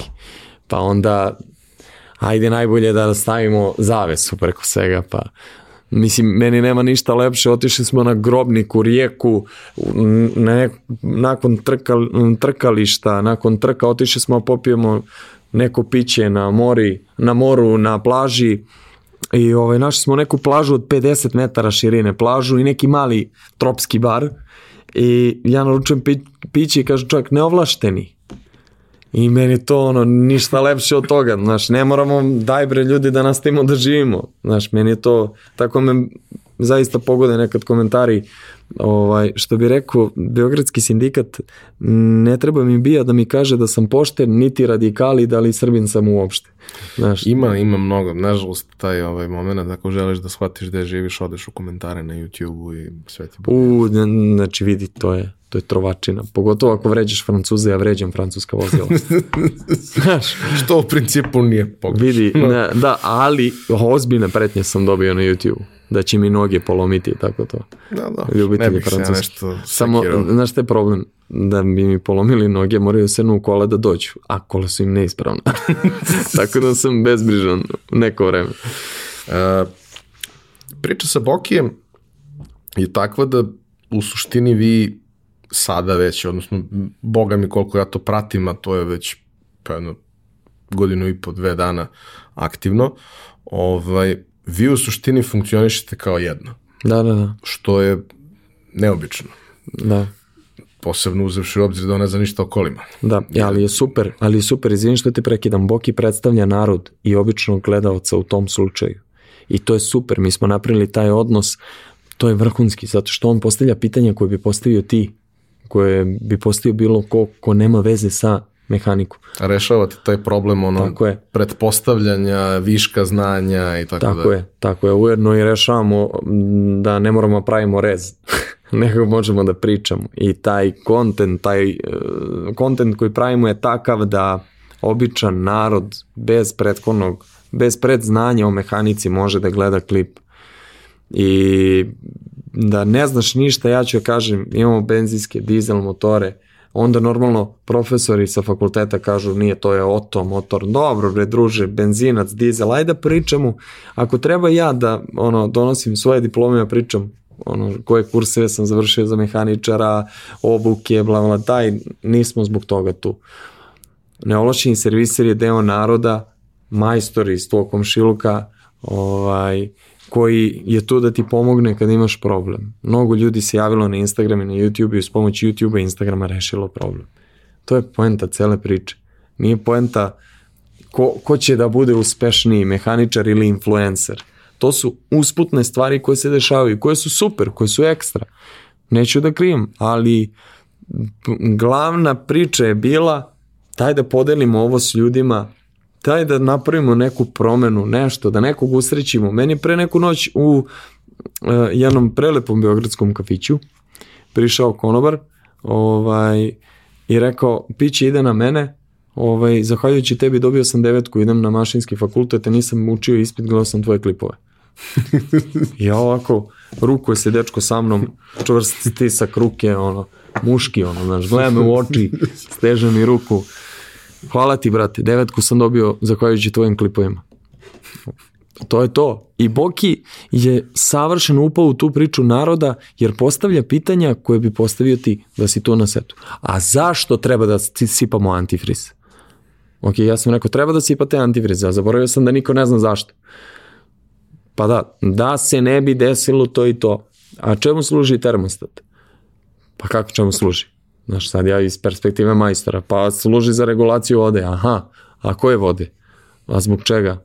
I Boki ima jako dobru ulogu tu i pritom ima ulogu da ovaj da učestvuje u nekoj interakciji čak i kada pričamo o alkoholu, ženama i tako ostalim muškim nekim stvarima. Imate te momente, da. Da, imamo naravno. Imate te momente, ali mislim da taj deo gde ono pričate o struci na jedan vrlo pitak i edukativan način mnogo znači i e, ta objašnjenja koja ti daješ kada ljudima tumačiš neke stvari. Sad, znaš kao, svi mi znamo da određeni tipovi motora, iako nas nije zanimalo, ne možda ne znaš od svih ljudi u svom okruženju, da određeni tipovi motora su pouzdaniji, drugi su manje pouzdani, da kod nekih automobila postoji neki set problema koji može da se javlja, kod nekih ne postoji. Uh, kako beše, ono, ako ima automatski menjač i plivajući zamajac, to je bukvalno, znači, treća stvar koja treba da se desi je da ima unutar sebe mašinu za, za pranje i sušenje veša i to je bukvalno 666. Jeste, jeste. Ovaj, ali suština je da kao, prate, 2021. druge godine mnoge od tih stvari više nemaju nikakvog smisla i nisu bitne. Uh, međutim, Tako je. naš narod ima tu nesreću i nizak životni standard i prosečna starost vozila je koliko, 17, 16, 15 godina. I mi dalje imamo one probleme koje su prestali da budu interesantni bilo gde u inostranstvu kod njih, ono, nešto to kad pričamo o tim starijim automobilima koje smo svi vozili, ne, voleli, neke smo voleli zato što su imali neverovatno dobru liniju, neki detalje unutra koji su bili nerealni, ja i dalje obožavam da odem u bilo koji muzej i da gledam to, ono, BMW-ovom muzeju, ali nisam ostao da noćim. Alfa Romeo Montreal, moram da ti kažem. Alfa Romeo Montreal. Razumem i nije A, teško. muzej u Bazelu. A, gledaš auto i e, koliko košta. Vozio bi ga svaki dan. Svaki dan. Izvini. Ima mnogo tih nekih momenata, ali ono što smo zapravo, čemu smo se suštinski najviše divili, čemu se i ja i dan danas divim, je što, brate, te mašine sa svim ovim kineskim, turskim i svim ostalim delovima 40 godina kasnije i dalje idu. Da, da. Da, jel malo istrulio? Pa ni istrulio je kad nisi vodio računa o njemu, ali da si vodio računa o njemu i da si pazio, ni, mnogi nisu ni mogli, nisu imali ni uslove, tako da, kao, ja ne mogu da zamislim koliki god bili, kakvi god bili ovi sad automobili koji su lepi, imaju sve na dugme, ja imam grejanje sedišta, to mi je sad omiljena funkcija tokom, tokom zime, sve to super. Ali ja ne mogu da zamislim da taj auto živi posle 15. godine. Nema trika. Nema trika. Pogotovo nove generacije motora. Znači vidjet ćemo za 10 godina znači dvojke, mečke 120 trojke, ono stari dizeli će nadživeti sve ove automobile koji su danas tu. Znači to su neke tehnološka rešenja napravljena pod pritiskom toga da se smanji emisija izduvnih gasova. To u startu plan ono ne valja. Znači, ako treba smanjimo emisiju izduvnih gasova automobila, ja nisam nikakav stručnjak, ali ajde da ograničimo onda proizvodnju, brate mili, a ne, mi hoćemo još. Ne, mi hoćemo ovo, hoćemo ono, hoćemo da on bude dizel, ali da ne mi nikako. Da on ne zagađuje. Ali isto tako i da ne očistimo gorivo koje sipamo Da. u njega, nego da sipamo ložulje. Tako je. Ima dosta tih stvari koje su baš paradoksalne, koje kao, ajde da napravimo najčistiji dizel. Pa Volkswagen je pao što ono, tužbu je popio što su lažirali emisiju izduvnih gasova, pa stoji tamo, tamo u Nevadi. Milion i nešto vozila Wagenovih stoji. Milion i nešto vozila. Inače, Volkswagen godišnje pravi milion vozila, tako da to nije problem. Ali, veličam ih. Ali, neverovatno je to što je inženjerija danas došla, tačnije mašinstvo, do toga da su primorani da rade neke stvari kako ranije nije moralo. Znači, da ranije nisu brinuli o tim stvarima. Zaista.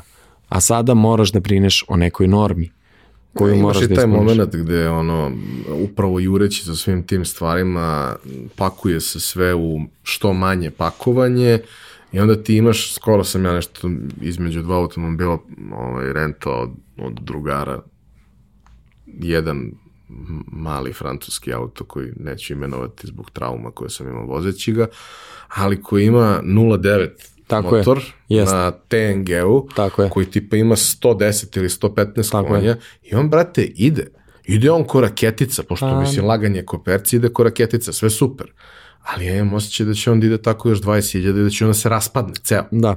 1.0 EcoBoost, uh, 0.9 Renault, 0.8 Fiat, 2 cilindra, 2 klipa, Twin Turbo, Twin Aero, pardon, uh, 1.0 Wagenov TSI, uh, sad ću ti kažem koji još, uh, sve 1000 kubika, benzinac, malo cilindara, znači ili 2 ili 3, negde su 4 cilindra i turbo, da potera tu snagu legure koje se koriste čvrstoće materijala su užasno loše. Automobil je po principu sijalice koju kupiš dokle traje garancija, dokle traje automobil. Što I- za nekog Nemca više nije bitno, jer on menja nakon 3 ili 4 godine. Njemu je to sve jedno. Problem je što kod, to kod nas dođe posle 7 Tako i je. treba da se vozi još 7, 8 ili 10, a to više nije za upotrebu. Da, mi smo, mi smo bukvalno ponekad kad gledam statistike i sve to i šta se radi, jer gledam svoj servis kao ogledni primjer. Kao da smo tržište svog smeća čem, koje Evropa baci, ovaj, mi preuzimamo i pravimo to da radi. Uh, mene ispravljaju kad kažem DPF filter, zato što je F oznaka za filter. Jasno. A, pa kao nije pravilno. Ljudi moji, mi čupamo te filtere, katalizatore, izbacujemo, remapiramo automobile na stare norme euro 4, euro 5. Mi radimo raznorazne kerefeke s tim motorima da bi oni radili sa trapovima, da bi radili. S time se Evropa ne bi pet minuta bavila. Rekla bi, ajde bre, druže, doviđenja. Ja, meni je najjače bilo u trenutku kad sam uzao ovaj poslednji auto, ovaj, kojim sam prezadovoljan i presrećan, jer DSG je nešto najdivnije što bravo. postoji na svetu. Molim te, mol, kuda ovo da? Ja pričam ljudima to, Ovaj, govore mi dan. Jebi ga, ja volim manuelni, Pogotovo sve u redu, ono- ali, ali ja, znaš, kao, vozio sam ja automatike pre toga kao renta Nije karobu to u automatik, Americi. nije to automatik, to je robotizovani manuelni menjač. Sad u dva kvačila, ali dobro. Ovaj, nije, mo, moja, ono kao, moja seljačka teorija, mo, moje seljačko objašnjenje zašto je meni to predivno, zato što je tamo neko to napravio za Veyron. I ja ga sad imam u Škoti. Znaš, to je mnogo lep osjećaj, jer ono je auto od milion eura, koji ne možeš da kupiš, a ovo je auto koji ja kupim za desetak. I sad kao, okej, jurio sam nešto, nisam mogao da nađem stvarno ono što sam hteo, Uzeo sam Superb karavan, koji jeste ogroman i sve. Hteo sam da bude ili karavan ili limuzina, taj deo mi nije bio bitan, lepi su mi jedan i drugi, volim i karavane, jer možeš staviš dnevnu sobu nazad. Ovaj, ali sam uzeo 1.6. Dobro. Nisam nezadovoljan performansama uopšte. Nisam nezadovoljan potrošnjom. Potrošnja mi je na uh, testnom uh, uzorku, kad sam uzao auto, otišli smo na more, najbolji ortak i ja i napravili 3000 km, potrošnja mi je bila 5.1. Tako je. Znači sve, Registracija sve super, ti je mala. sve do jaja i realno tih 120 konja je meni sasvim okej. Okay. Nije. Prva stvar koju su mi svi rekli, čipuj ga, idi odmah ga Ne, čipuj. ne. Ja kao, ali neki inženjer tamo je rekao da to treba da bude ovako, ja, znaš, mislim, ja sam pre toga vozio Octaviju 2.0 i lepo je kad imaš to još malo, ali mislim, ja sam penzioner, star čovjek, ja to više se ni, ni ne bavim tim. Plus ovaj, realno ovaj menjač što prilično ume da iskompenzuje lepo. Tako je. Ali kao svi, idi čipuj, idi čipuj, idi čipuj. Brate, neću da čipujem. Koji vam je više sa čipovanjem? Ono? Da, da, Znaš, da. Dokle više sa tim, samo da izvučemo ono poslednje nešto. Brate, neću ni da mu skraćujem vek, niti, me zanima da bilo šta radim po tom pitanju. Jesam ja lud? Ne, e, na prethodnom kanalu, pošto je obran prethodni kanal neovlašćenog servisera, to je bio klip gde su me ljudi najviše pljuvali. Znači, to je bio klip čije komentare sam pročitao i nikad više u životu. Ja sam rekao da je čipovanje zapravo nepotrebno. To je bila pljuvačina po meni. Znači, e, mislim da su mahom bili klinci, jer se vraćam na ono što sam rekao, Loženje, žele da, loženje. da loženje. Čipovanje automobila je nešto što smo mi prvi put uh, primjenjivali i primjenjuje se dan danas, mapiranje automobila prilikom uh, pripreme automobila za trku, gde ti učitavanjem drugih parametara uh, u taj kompjuter možeš povećati performanse i rad motora i sve ostalo. Deset mojih drugara rade u čip kućama i, i ne, ne govorimo kao da bi njima ugrozio posao, niti bilo šta. Treba, ako želiš da čipuješ, seti se pre nego što su uključene kamere, šta govorim ljudima kad, mi, kad me pitaju za kola. Da. Znači da. Jel treba čipuješ? Da, treba. A ako me ti sad pitaš za moje stručno mišljenje, da li si ti lud zbog toga, ne, nisi lud, pametan si. Ne, ljudi, ne treba čipujete kola. Stvarno, stvarno, osim ako ne želite. Ali nisam dvosmislen sad, iako tako zvuči. Šta bih ja uradio? Ja bih čipovao automobil Ako ja imam dovoljno para da istresem sutra za motor, turbo i injektore i menjač, da popravim to. Što je moje veselje bilo takvo. Ja sam e, jutros inače bio da da potpišem sporazum uh, priznavanje krivice za prebrzo sam vozio Milutija Milankovića upecao me radar sa autom koji ima 60 konja. Svaka čast. I upecao me radar na 83 gde je 50 ograničenja. I prepozdo me ovaj službenik policijski neovlašćeni serviser, a aj se slikamo. ovaj, a, pošto me je slikao. Ali pozdrav, stvarno ljubazni su ljudi bili brzina je za svakog drugačije shvatanje brzine. Znaš, ja, na primer, sada kada sam pričao sa svojim društvom, pitali su me koji bi auto želeo da kupim kada se izvučem iz dugova u koje sam upao da bi napravio neolašeni studio, ovaj, ja samo vidim jedan motor i jedan menjač. Vidim 2.0 TSI, 2.0 TFSI i TSG menjač. Čip i na motor i na menjač. Sad ja pričam o sebi čip i na motor i na menjač. Promena usisa i izduva i na motoru, promena bobina, ubrizgavanje injektora, svega. Da vidiš kako to ide. To je, to je simfonija. Ali taj 2.0 TSI motor je motor koji sam najčešće rasturao. To je toliko a, nesigurna platforma Za neke, neki će reći da apsolutno lupam, znam da hoće, ali zato ja odem u mašinsku radionicu na Dušanovcu i vidim samo te motore poslagane za ovaj mašinsku obradu motora, za reparaciju i rađenje tauš motora. Samo vidim 2.0 TSI, 2.0 TSI, 2.0 TSI svuda. Motori koji gube ulje, jedu ulje na glavama motora, na karikama i sve zbog tog čipa. Sve zbog, nije samo zbog čipa, loša je platforma loša je platforma motora. Misliš Te, preterana?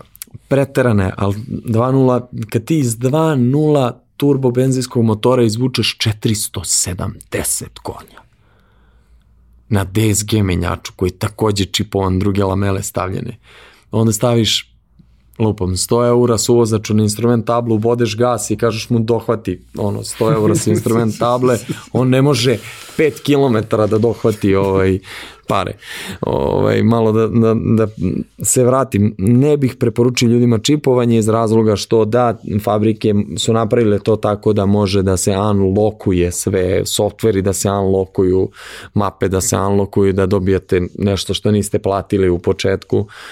Ne bih, jer ćeš sačuvati ako ti auto služi za vožnju od tačke A do tačke B, nema potrebe, mili. Nema zaista potrebe. Vozi auto najnormalnije taj čip će te uvek vući da voziš brže. Uvek te vuče gas. Znaš, ja pričam o sebi sad i kažem za, šta bi ja uradio sada imam 20.000 eur. Uradio bi to, to, to, to, to, to, to. I taj auto bi mi isključivo služio za stazu.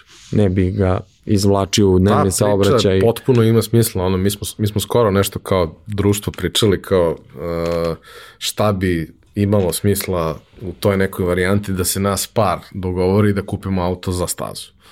Nešto od ovih starijih automobila koje bismo full sredili i koji bi služili samo za ono, race day ili za tako nešto. Nećemo se dogovoriti, jer ne, ne postoji šansa da se to podeli. To, tad, tad kad može išli bi svi, a tad kad ne može nikom ne treba. Ali kao, znaš, ono, tu kad kreneš, to su neke potpuno drugačije priče. To služi, brate, samo za to. To je za zabavu. To nije, ne treba bude pouzdano. Ne zanima Tako. me ništa. Jedino mi je bitno da mi bude zabavno tad, taj dan. Tako A ako hoćeš da bude pouzdano, valjda veruješ tom inženjeru koji ga je napravio. Mislim, ako si ga već izabrao, onda veruje onome koga je napravio. Tako je, tako je, slažem se u potpunosti i ne bih stvarno, ja imam dosta mušterija koje imaju porodične automobile po 400 konja. Dobro, ko zna, možda mi se vrati ovaj, kosmički to, pa ja sutra imam ono kao dečije sedište pozadi auto od 400 konja. Možda budem sutra takav lik, ali ne preporučujem ljudima da to rade. Uh, vi ste imali tu situaciju sa, sa kanalom koji je jako lepo rastao i koji je ugašen. Um, nije vas to pokolebalo tebe, pre svega da, da odustaneš od toga i ekipu, krenuli ste od nule i već ste na jako dobrom putu, ali ono što je meni fascinantno bilo i u samom, kažemo, kraju tog starog kanala i u ovom novom, gde, ok, imate arhivu materijala koja već postoji i sad snimate nove stvari u paraleli, je ta posvećenost da imate toliko sadržaja. Jer kao, znaš, snimati imati nekakav posao i onda snimati jedan klip nedeljno vezan za taj posao je ok, ti posvetiš neki jedan dan tome ili jedno popodne, nešto napraviš i vozi. I ispoštuješ neku dinamiku da se to prati, to je cool. A vi niste normalni, znači vi trenutno, preterujete. Trenutno imamo 23 klipa u magazinu. 23 klipa imamo u magazinu, od toga mislim 14-15 recenzija automobila, imamo jedno pakovanje motora, e, imamo dva saveta za vozače, imamo tri klipa iz EKP-a nastavnog centra sa profom, gde pričamo o, o, sa profesorom o komponentama. I treba nam još, treba nam još e, nekako je ideja naša da mi to nasnimimo 50-60 klipova i da idemo na odmor u smislu od šest meseci odmor. I to je dobra, to je dobra zamisao, kao ako snimim celu godinu, mogu da emitujem celu godinu da je zakačim sve ono liste, da stavim premijere ovaj, na YouTube-u za svaki klip i idemo mi na odmor. Međutim, deo gde mi nismo normalni jeste što a u brata snimamo nešto drugo, ovo, ovo, ovo, imamo bolju ideju, kao. Znaš, imamo bolju ideju, nećemo ovaj projekat nećemo ništa snimamo, ajmo, daj, daj drugo. To se dešava non stop. Znaš, ja sam krenuo da pravim klip koji su najčešći kvarovi na polovnjacima u Srbiji. Pa sam taj klip preformulisao da li se Nemci kvare, da li se Francuzi kvare, pa šta je 10 najčešćih komponenti koje prodavnice prodaju za francuska vozila. Pa sam to raširio. Voliš da udariš na Francuze. Ne, ne, ne, ne, ne. ne Sreća da Bugari jako, ne prave jako, kola. Jako, jako, jako. Mada ako bi pravili kola, verovatno bi u Gepeku imali nož. da. Ovaj, uh, I onda razvijamo tu ideju kao, a čekaj, čekaj, čekaj, ajde još da je razvijemo. Šta se prošle godine, 2021. najviše kvarilo kod BMW marke automobila? I kao, ok, došli smo od jedne male ideje, nabrate serijal od 50 epizoda Mirkom, pobogu. Znaš, Ali Boki je lik koji je radoholičar i kaže, dobro bre, daj da snimam. Daj da snimam. E, Boki, mislio sam, ma daj to. Trenutno radimo neki ogroman projekat od kojeg se i sam plašim.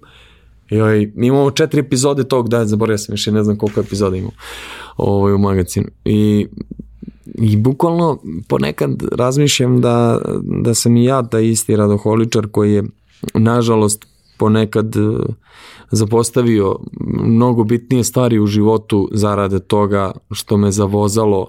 Prošao sam etapu popularnosti, prošao sam etapu zarade, prošao sam etapu dokazivanja, prošle su me, u ove dve godine su zaista prošle. Tada sam odlučio da ću napravim studio i da su ne, neke druge stvari ambicije, ali, ali sam zarad te ambicije svoje, koju imam sad, mnogo napravio pogrešnih poteza u životu i, i zbog kojih se kajem i žrtvovao neke stvari koje nisam trebao da žrtvujem zbog toga što daj da snimimo klip, daj viš da narod hoće vidiš da narod hoće. Znači nije, hoće. a nije uopšte bilo više popularnost lova, ja sam bitan. Ne, ne, nego sviđa mi se. Ajde, daj, vidiš da ljudi hoće, daj da im spremimo još materijala, daj da im spremimo još, daj da im spremimo još.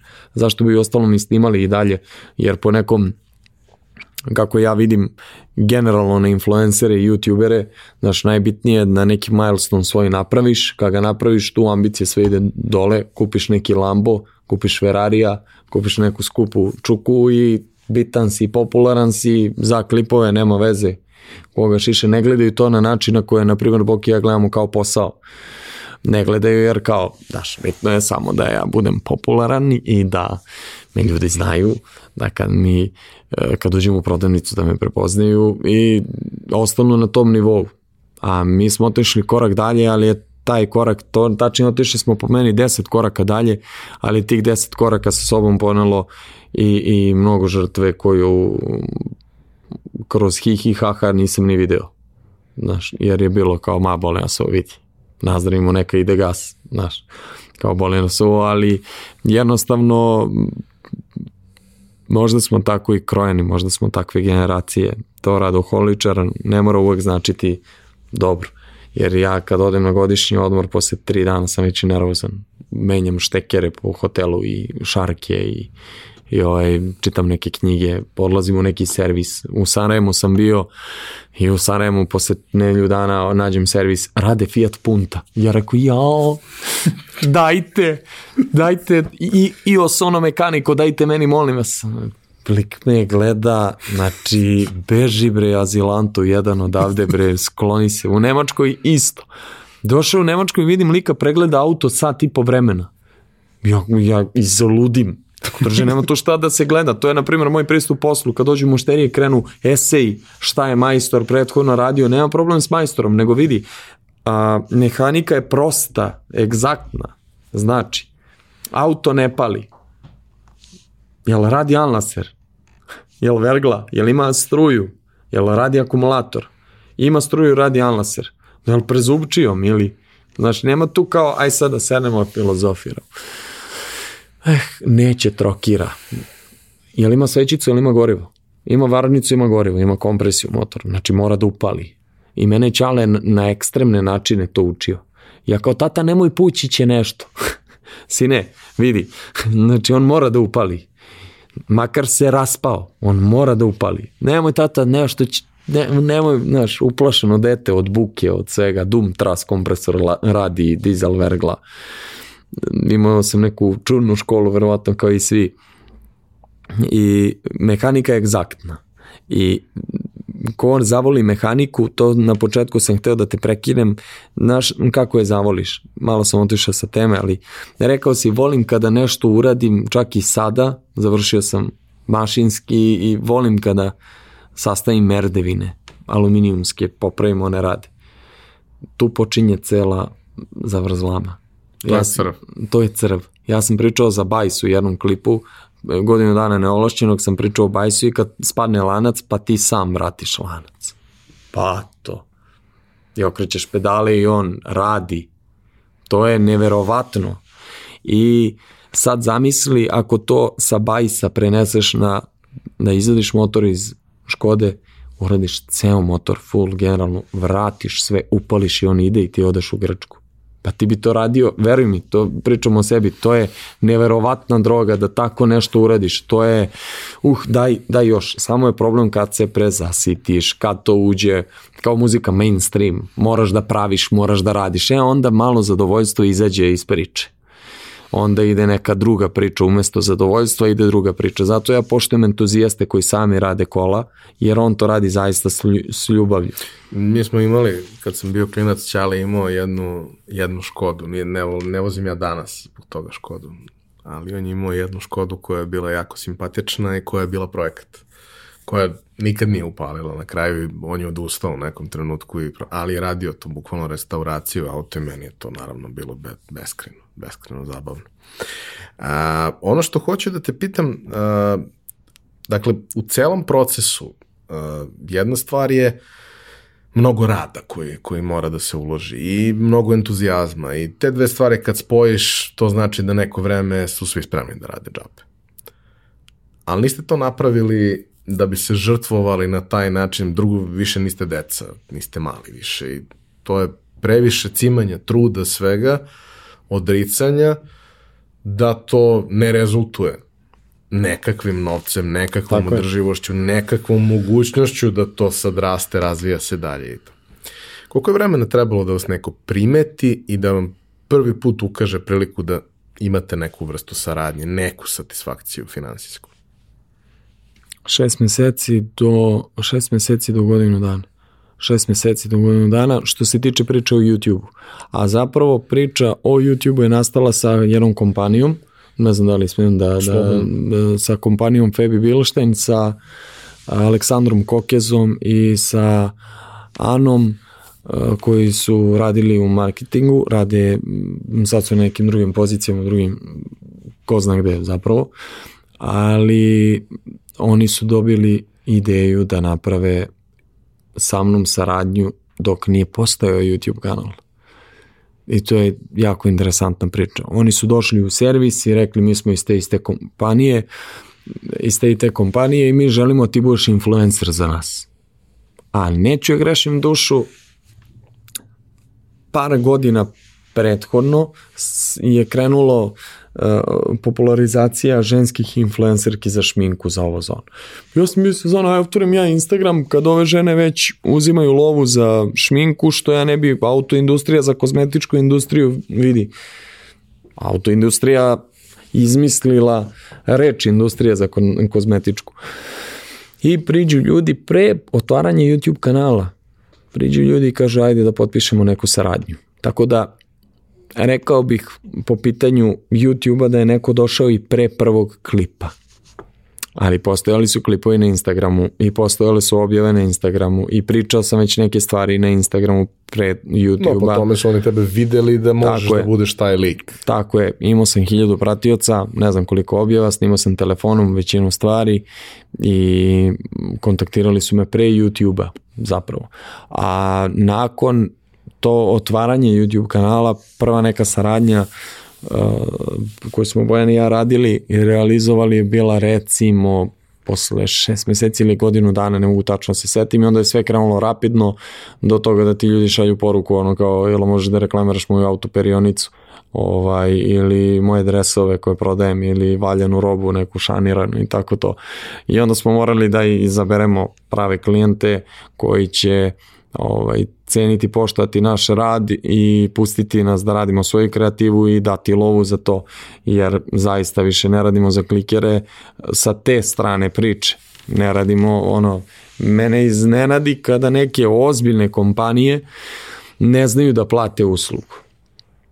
Iznenadi me da duguju novac za uslugu. Da treba ih moliš za pare Znaš, zaista mi je to sramotno što moram da kažem i jednostavno uh, vreme znači novac u današnjem svetu. I ako gubimo mnogo vremena danas, gubimo mnogo novca ili prilike da zaradimo novac. I mislim da svako treba da poštuje tuđi rad kao što poštuje svoj. Svi smo tu ono znam ja koliko meni treba para, ali za tebe, tebi ne želim baš toliko da dam, jer ja ću da kažem po mom nekom nahođenju koliko ja treba tebi da dam i on. Ja, ali uvek imaš ta, ta dva problema sa kojima se susrećemo u tako nekim razgovorima i saradnjama, to je jedna stvar je, imaš te firme koje nikad nisu ulazile u nešto slično, oni ljudi nemaju predstav. Oni ne znaju koliko to košta i šta god da im kažeš, vrlo lako može da se desi da to njima bude strašno. Tako Iako je Tržišno nije, ali on ne zna, nema on svest o tome. I to je jedan tip problema. A drugi tip problema je ti ljudi koji stalno pokušavaju, slobodno mislim, mogu to da kažem tako, mislim da je najjednostavnije da svi razumeju, koji pokušavaju ti izvaćare non stop na nešto. Tako je, bravo. Znači kao, koliko košta da mi napravimo to, to, to i to? Košta 600 eura. Jel može za 300? Brate, Nem... pito si me koliko košta. Reci mi, E, vidi, ja imam 300 evra budžeta i mnogo bih voleo da mi radimo. Jel možemo da smislimo nešto, da probamo tako tri meseca u toj varijanti, pa ako bude bilo dobro, mi ćemo probati da se izborimo za veći budžet. Nastupiš ljudski, sve možemo da se dogovorimo. Tako je. A nastupiš sa tom varijantom, ono kao, jel, mo, jel može, ali ako bi se mi dogovorili, jel bi moglo to za duplo manje? Je kao, svaki put kad mi neko to kaže, ja kažem, dobro, ovaj, a A kad odeš kod uh, zubara, jel ga pitaš jel može duplo manje? Pa ne pitam. A da odeš kod neurohirurga i da treba mozak da ti operiš, jel bi otišao kod onog koji ti je preporuka ili kod onog koji je 50% jeftiniji? Pa ne, znaš, nije okej okay porediti takve stvari. Pa jeste, jedno i drugo i treće je jeste. posao. Jeste. I jedno i drugo i treće, svako od nas je u svom domenu to postoji razlog zašto si ti došao kod mene, kod tebe, kod Makse, kod Galeba, kod koga god, nije bitno. Ali ti si došao kod nas, nismo mi došli kod tebe. Ne nudimo mi tebi ništa. Ti nešto tražiš od nas. I, Poštuj to. Sećaš se filma Lock, Stock, Two Smoking Barrels? Of course početna scena, ne početna scena, scena kada a, sa Nick the Greekom kupuje, poja, a, kupuje muzički uređaj i pita does it include the amp, kao je, je uključeno pojačalo u cenu. I Nick the Greek kaže, ne, poslednji put ti kažem, nije uključeno pojačalo u cenu. Ne, i nije uključeno da ja dobijem glavobolju od tvojih pitanja iznova iznova da dobiješ pojačalo uz zvučnike. On je kupovao zvučnike, da. Čini se mini liniju stub i kao, e, može pojačalo? Ne može. Jer pojačalo nije na prodaju. A, već sad ovo. Igru, igru reči. Ozbiljnu igru reči. To su, mislim, to su neki momenti sa kojima svi imamo traume.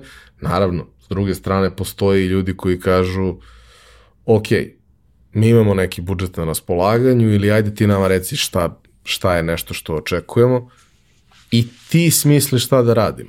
Meni se to sad sve češće dešava, ok, u mom svetu gde manje publika, sve drugačije, ali ima svoju, ima svoju pa kažem, svoje tržište, jer, je, jer su to ljudi koji su preduzetnici, ljudi koji su zainteresovani za investiranje i tako dalje, za nekakav lični razvoj.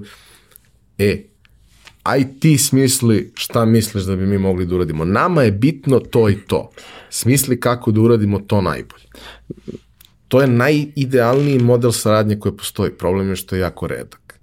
Mm, da li mogu da se nadovežem na to i da jako kažem a, meni problem predstavlja sad a, e, cena na primer koju treba da stavimo kada ti ljudi pitaju koliko, kao koliki je tvoj influence, ti daš analitiku, napraviš media kit i onda dolazimo do velikog raskoraka. Da li sam ja content creator, da li ja pravim content i vašu kampanju, ili vi imate već kampanju koju ste napravili, pa u okviru te kampanje ja treba da je promovišem. Veliki raskorak. Jer ako ja pravim slike, videoklipove, materijale, to košta toliko, a ako vi već imate šta želite, napravljene neke semplove toga, um, animacije ili no, bilo šta. materijal. Tako je, pripremljen materijal koji ja treba da okačim i da kažem reč dve lepe o tome, to je onda druga cena. Ali mi non stop mešamo te dve i onda dolazimo u situaciju da klijent kaže ne znam ni sam šta bi, aj ti smisli nešto i da ti kažeš cenu za te usluge, on kaže ubre, čekaj bre. A tebi je to 5 minuta. Tebi je to 5 minuta. Et, et, upravo to. Ja sam često čuo za mehaniku tu, te priče ovaj, zašto košta moje vađenje svećice 50 eura. Zašto si je ti slomio, ja znam da izvadim, ti ne znaš. I to košta. Moje znanje košta. Moji, alat, moji alati koštaju. I u ostalom, zašto ulazimo non stop u te priče, jer sam Boki kaže, to si možda čuo nekom od klipova, znaš Mirko zašto sam se ja borio da svako radi svoj posao, gleda svoje posle. Kad odeš u prodavnicu i kad skupiš punu korpu, ne kažeš na kasi, e, ja mislim da ovo vredi ipak manje. Mislim ja da ovo vredi, ne, znaš šta, ja ću tebi mnogo, dam. Mnogo, mnogo. mnogo. Stvarno, a meni se dešavalo da klijenti kažu na moju cenu, au bre Mirko, al si zacepio cenu ali men, jako neprofesionalno, pod jedan, ne možemo tako da pričamo, baš ne možemo tako da pričamo jedni prema drugima i onda ih mehaničar uči poslovnoj komunikaciji. Znaš, ako ih... A ne vadi da, jador. Ako ih mehaničar uči poslovnoj komunikaciji, šta, šta su oni završili od škole? Dobro, menadžer u sportu. još gore, još gore, vidi još gore. Mada sam imao odličnog profesora na predmetu poslovna komunikacija i na predmetu menadžmenta i profesori su bili nevrovatni i ja sam upijao znanje, iako su bili dosta čudni kao i mi sami. Da je meni bilo interesantno da slušam to šta pričaju i kako pričaju. Ako bismo podvukli crtu i odredili neki trenutak u vremenu u kome se nalazimo sadašnji. Kako bi ti opisao to što danas vi radite i iz čega se to sve sastoji? I ko su vam, ko vam je glavna podrška u tom celom procesu? Možda i najteže pitanje danas. Pa, možda i najteže pitanje. Što se bližimo kraju, to je sve teže. da, da, da, da, da. E, snimamo videoklipove na kojim predstavljamo zanat, učimo druge kako da popravljaju automobile, savetujemo ih prilikom kupovine automobila i odabiru modela za sebe, pričamo o trkama, o ljubavlju, ljubavi prema automobilima i trudimo se da se zabavimo dok to radimo. I ako možemo uzmemo neke pare, opa, vidi, super. Hajmo sad da analiziramo biznis stranu. Šta sve postoji sa biznis strane danas? Mnogo prilika. Mnogo prilika za posao. Mnogo prilika Ko za, su za vam, da kažemo, ključni partneri koji vam autoindustrija da je, funkcionišete? autoindustrija je neverovatno velika i posla ima za sve. Ako pričamo o influencerima i o produkcijama, snimateljima, fotografima, um, posla zaista ima za sve, bitne su ideje, bitno je način na koji ti to predstavljaš, klijente koje biraš, mi imamo klijente koji su distributeri autodelova, proizvođači autodelova, autoalata, uh, road assistance aplikacije, imamo otprilike sve ono što ti treba kada odeš na neki tipski kanal ili profil na Instagramu koji je vezan za automobile. Imamo i neke drugi klijente tu koji su usput za neku zabavu, ali nastojimo ka tome da naši klijenti budu isključivi iz autoindustrije, međutim ponekad je najvećim megalomanima autoindustrije teško izvući 5 dinara ovaj, za uslugu, jer oni pristupaju, baš su oni ti koji kažu, ne, ja mislim da to vredi ovoliko. Dobro, ali napravili ste lep vremenom, lep ekosistem oko sebe komplementarnih stvari koje... Da, trudit ćemo se da bude bolje. Po, potrudit ću se u 2022. da bude bolji. Bolji. Ima stvari koje mi se zaista ne sviđaju, na koje sam ovaj, primoran. Otvoreno kažem. Dobro, ok.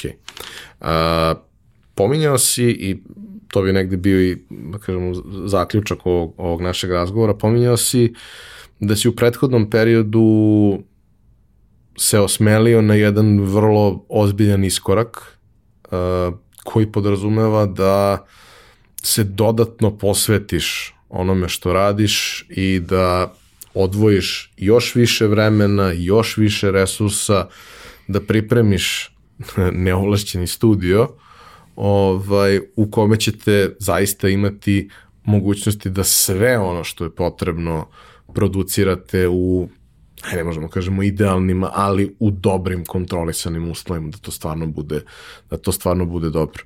Um, koliko je trebalo vremena da doneseš tu odluku i uh, u kojoj je to fazi sad? Kad možemo da očekujemo nešto odatle? Uh, interesantno dok smo radili vremena koliko je trebalo za odluku jedan jedno popodne jedno popodne Uh, studio smo završili 29. decembra, prethodno u studiju nekoliko uh, dealershipa automobila u Beogradu su već snimali neke reklame i fotografije u crnom delu studija. U crnom delu studija smo snimili recenzije koje su poslednja dva petka i par ovih poslednjih klipova su iz crnog dela studija. Oni za gorivo je bio konkretno iz, iz crnog dela i zapravo to je neverovatno dobra stvar jer je crni deo studija i beli, mislim studio, ajde da pojednostavim. Studio ima četiri Da, dela. zapravo ima dva dela crni i beli, s tim što u belom delu smo napravili četiri scene, Uh -huh. a u crnom jednu, za sad.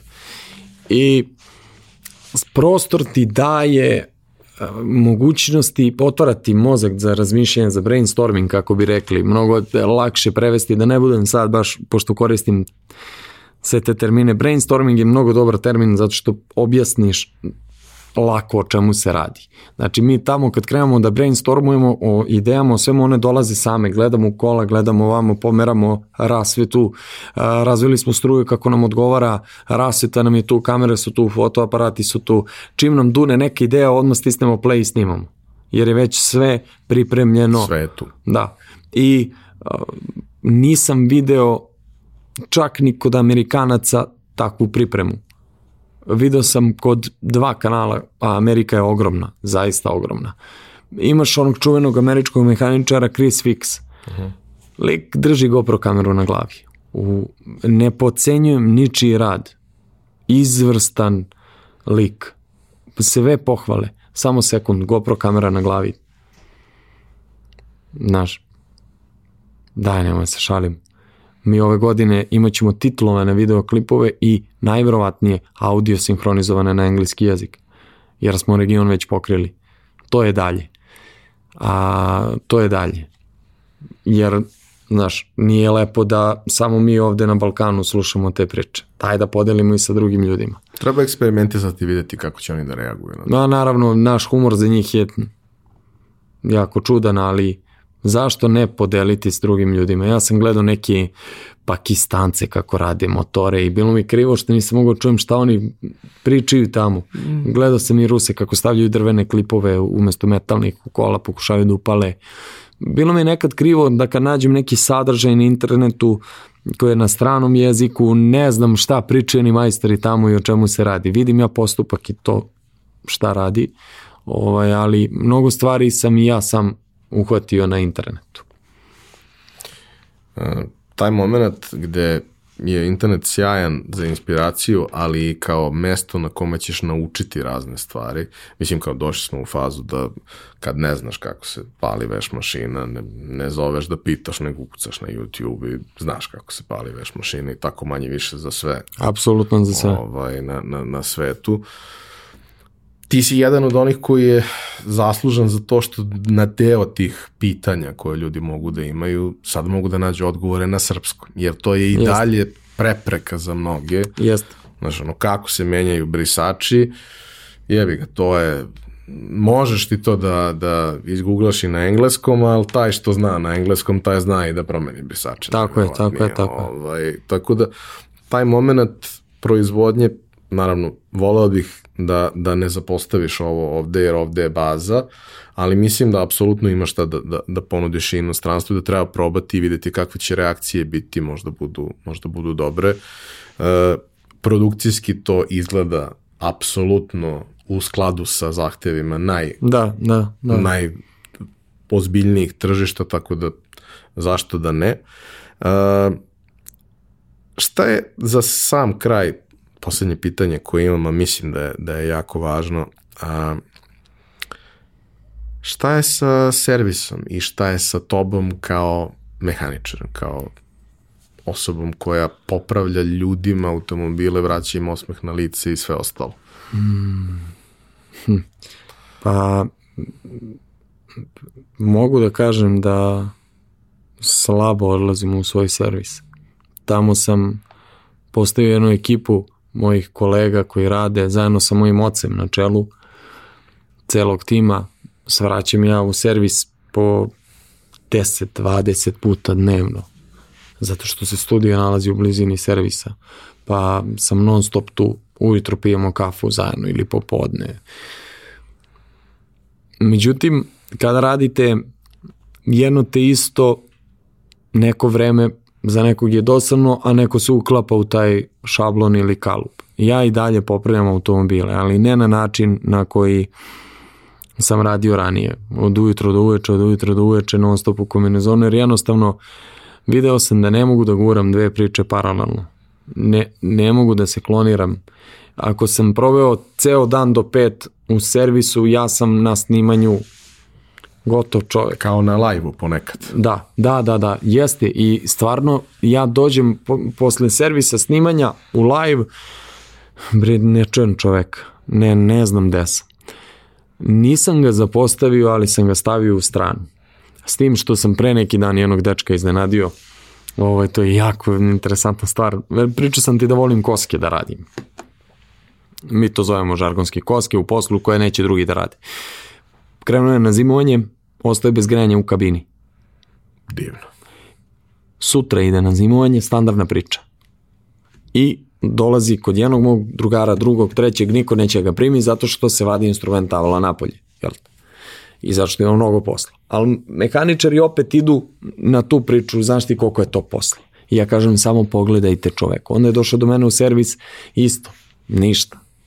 Moj servis pun sledeće dve nedelje A ja u studiju, zovem čoveka, dođi u, u studiju, on dođe i ja mu u studiju popravim auto za sat vremena i zaradim litar rakije stare 18 godina šljive. I zaradim ono što sam zaboravio zadnja dva meseca od snimanja, a to je lična satisfakcija da sam popravio nešto, da nešto radi i da sam učinio nekog srećnim i da će sutra ta porodica zajedno sa malim detetom da ima grejanje na kopu ili jahorin ili gde god da odu. Učinio sam ono što je moje jeste svako nas ima neku našu društvenu odgovornost i zadatak neki. Ja sam svoj zadatak ispunio. I me, ja sam srećan zbog toga više nego rakije, lita rakije od 18 godina, dobro, to je baš, pazi, tu, tu je, je negde. Tu, tu je, negde, negde, tu je negde, ali kada bi bio novac u pitanju, prevazilazi novac. Zvoni telefon, hitno, čistač leda na tašu, na tašmajdanu je stao. Klince ne mogu da se klizaju. U pitanju je Fordov V8 benzinski motor koji je na plin. No, I ja, kao zamboni nešto. Da, tako nešto, da. I ja idem popravljam brzo čistač leda da bi klinci mogli da se klizaju. Aj mi reci da li to ima neku vrednost novčanu. Znaš, ti si obezbedio ono čeka 500 klinaca da se kliza, ne mogu da se klizaju zato što led nije očićen, zato što mašina ne radi. Popraviš mašinu, to je moj zadatak u društvu. Mehaničari održavaju kola hitne pomoći. Znaš, da nema mehaničara, ok, sve, svako ima svoju, svoju svako naš čini jedan deo ovog celog sistema ili kako mi kažemo jedan šraf ovog celog motora u životu.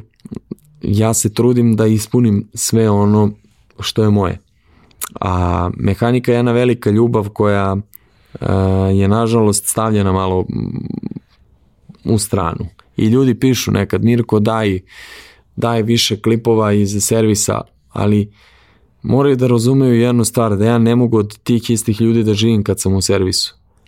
Znači, dnevno prođe jedno 30 ljudi koji hoće da ispriča svoju priču s tobom, video je neovlašćenog uživo, neovlašćenim uživo popravlja kola, To je priča, kako mi kažemo, na točak dignuta priča. Neovlašćeni jao, to si ti, sveti čoveče, dodirni me. Nije mi još mnogo ostalo. Da, da, da, da, da, da, da, francusko vozilo i onda se desi, desi se ono što je najneoček... što ja ne očekujem, da me žargonski, izvini, moram da, da budem vulgaran, da me usere popravka istog momenta. Da u smislu, prvo zašto sam se uhvatio popravim ne, ne lutam, ne mašim defektaži. Onda, onda sam mu tek sveti čovek.